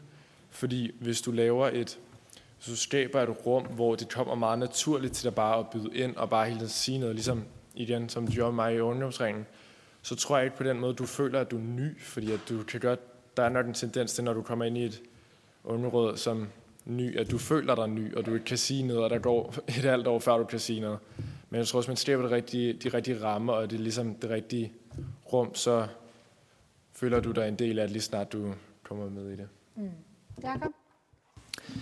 Jeg tror, det er nødvendigt med sekretariatsbetjening, ligesom i alt muligt andet politisk arbejde. Der er behov for nogen, der laver noget informationssøgning og laver en præsentation, så man kan foretage en uh, samtale på et uh, kvalificeret niveau. Uh, og med hensyn til overleveringen, uh, Øh, så kan sekretariatet jo være med til at øh, fortælle lidt om, hvad er rammerne, hvad er mulighederne, i øh, Københavns Ungeråd, øh, så vidt jeg husker, var det en tredjedel, der var genvalgte, og det gjorde så, at øh, der er en relativt stor grad af fornyelse, og ikke det gamle råd, som sætter sig på, øh, på magten, men alligevel også nogle traditioner for, hvordan overledes man bærer en øh, demokratisk tradition videre. Og når jeg så har samtale med et nyt tiltrådt ungeråd, plejer, plejer jeg så at sige, der er flere måder at arbejde på. I behøver ikke at arbejde ligesom det afgående ungeråd på, øh, men prøv at se, hvad er jeres form. Men der er de her forskellige måder, som har båret frugt tidligere. Så på den måde er der jo også noget viden at bringe, øh, bringe videre til de tiltrædende, så at de ikke behøver at bruge de første 3-6 måneder på at føle sig nye, men kan komme op og køre relativt hurtigt. Mads? Men det er i forhold til de der penge. Der kan man godt mærke, at jeg er det rød i det, fordi min holdning er jo sådan lidt, hvis vi har penge nok til at give skattelettelser for 10 milliarder kroner, så burde vi også have penge nok til at sikre unge inddragelse. Så altså, hvis vi laver en lov, der siger, at vi skal have lokale by- øh, ungeråd ude i kommunerne, så bør Christiansborg også sørge for det. Øhm.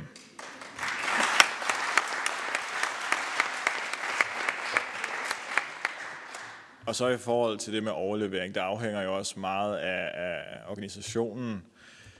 I forhold til, der nogle forskellige måder, man gør det på, afhængig af, om man er et ungeråd i Københavns Kommune, hvor man har mange unge inddraget, hvor man har stor øh, fokus på det, kunne jeg forestille mig. Der kan jeg jo godt forestille mig, at, at, at det var fint med noget sekretariatsbetjening, men også at man bare sørgede for løbende indsupplering af nye kræfter. Hvorimod i en landkommune, kommune, der tror jeg, det er mere vigtigt med sekretariatsbetjening, der har nogle fastlagte, sådan her hvordan vi gør her i kulturen. Så det afhænger også af, hvor du er henne. Jeg synes, det er så fedt, at vi kan blive ved med at fortsætte den her samtale, og det håber jeg også, at opfordringen bliver gentaget igen og igen. Jeg håber, I fortsætter samtalen. Vi håber, at den her har vist nødvendigheden for at finde de her nye formater og rammer, øh, for hvordan børn og unge kan indgå og engagere sig i demokratiet. Så jeg vil gerne sige tusind tak til panelet, tak til Indrigsudvalget, og tak til alle jer for at have deltaget i dag. Og Birgitte vil have det sidste ord.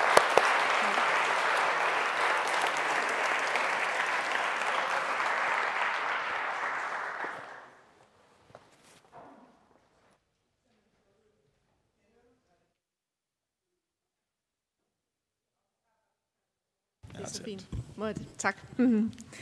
Øh, og jeg siger bestemt også tak, eller indrigsudvalget øh, siger tusind, tusind tak for virkelig, virkelig godt øh, kørt øh, høring her. Skal vi ikke give en kæmpe klap,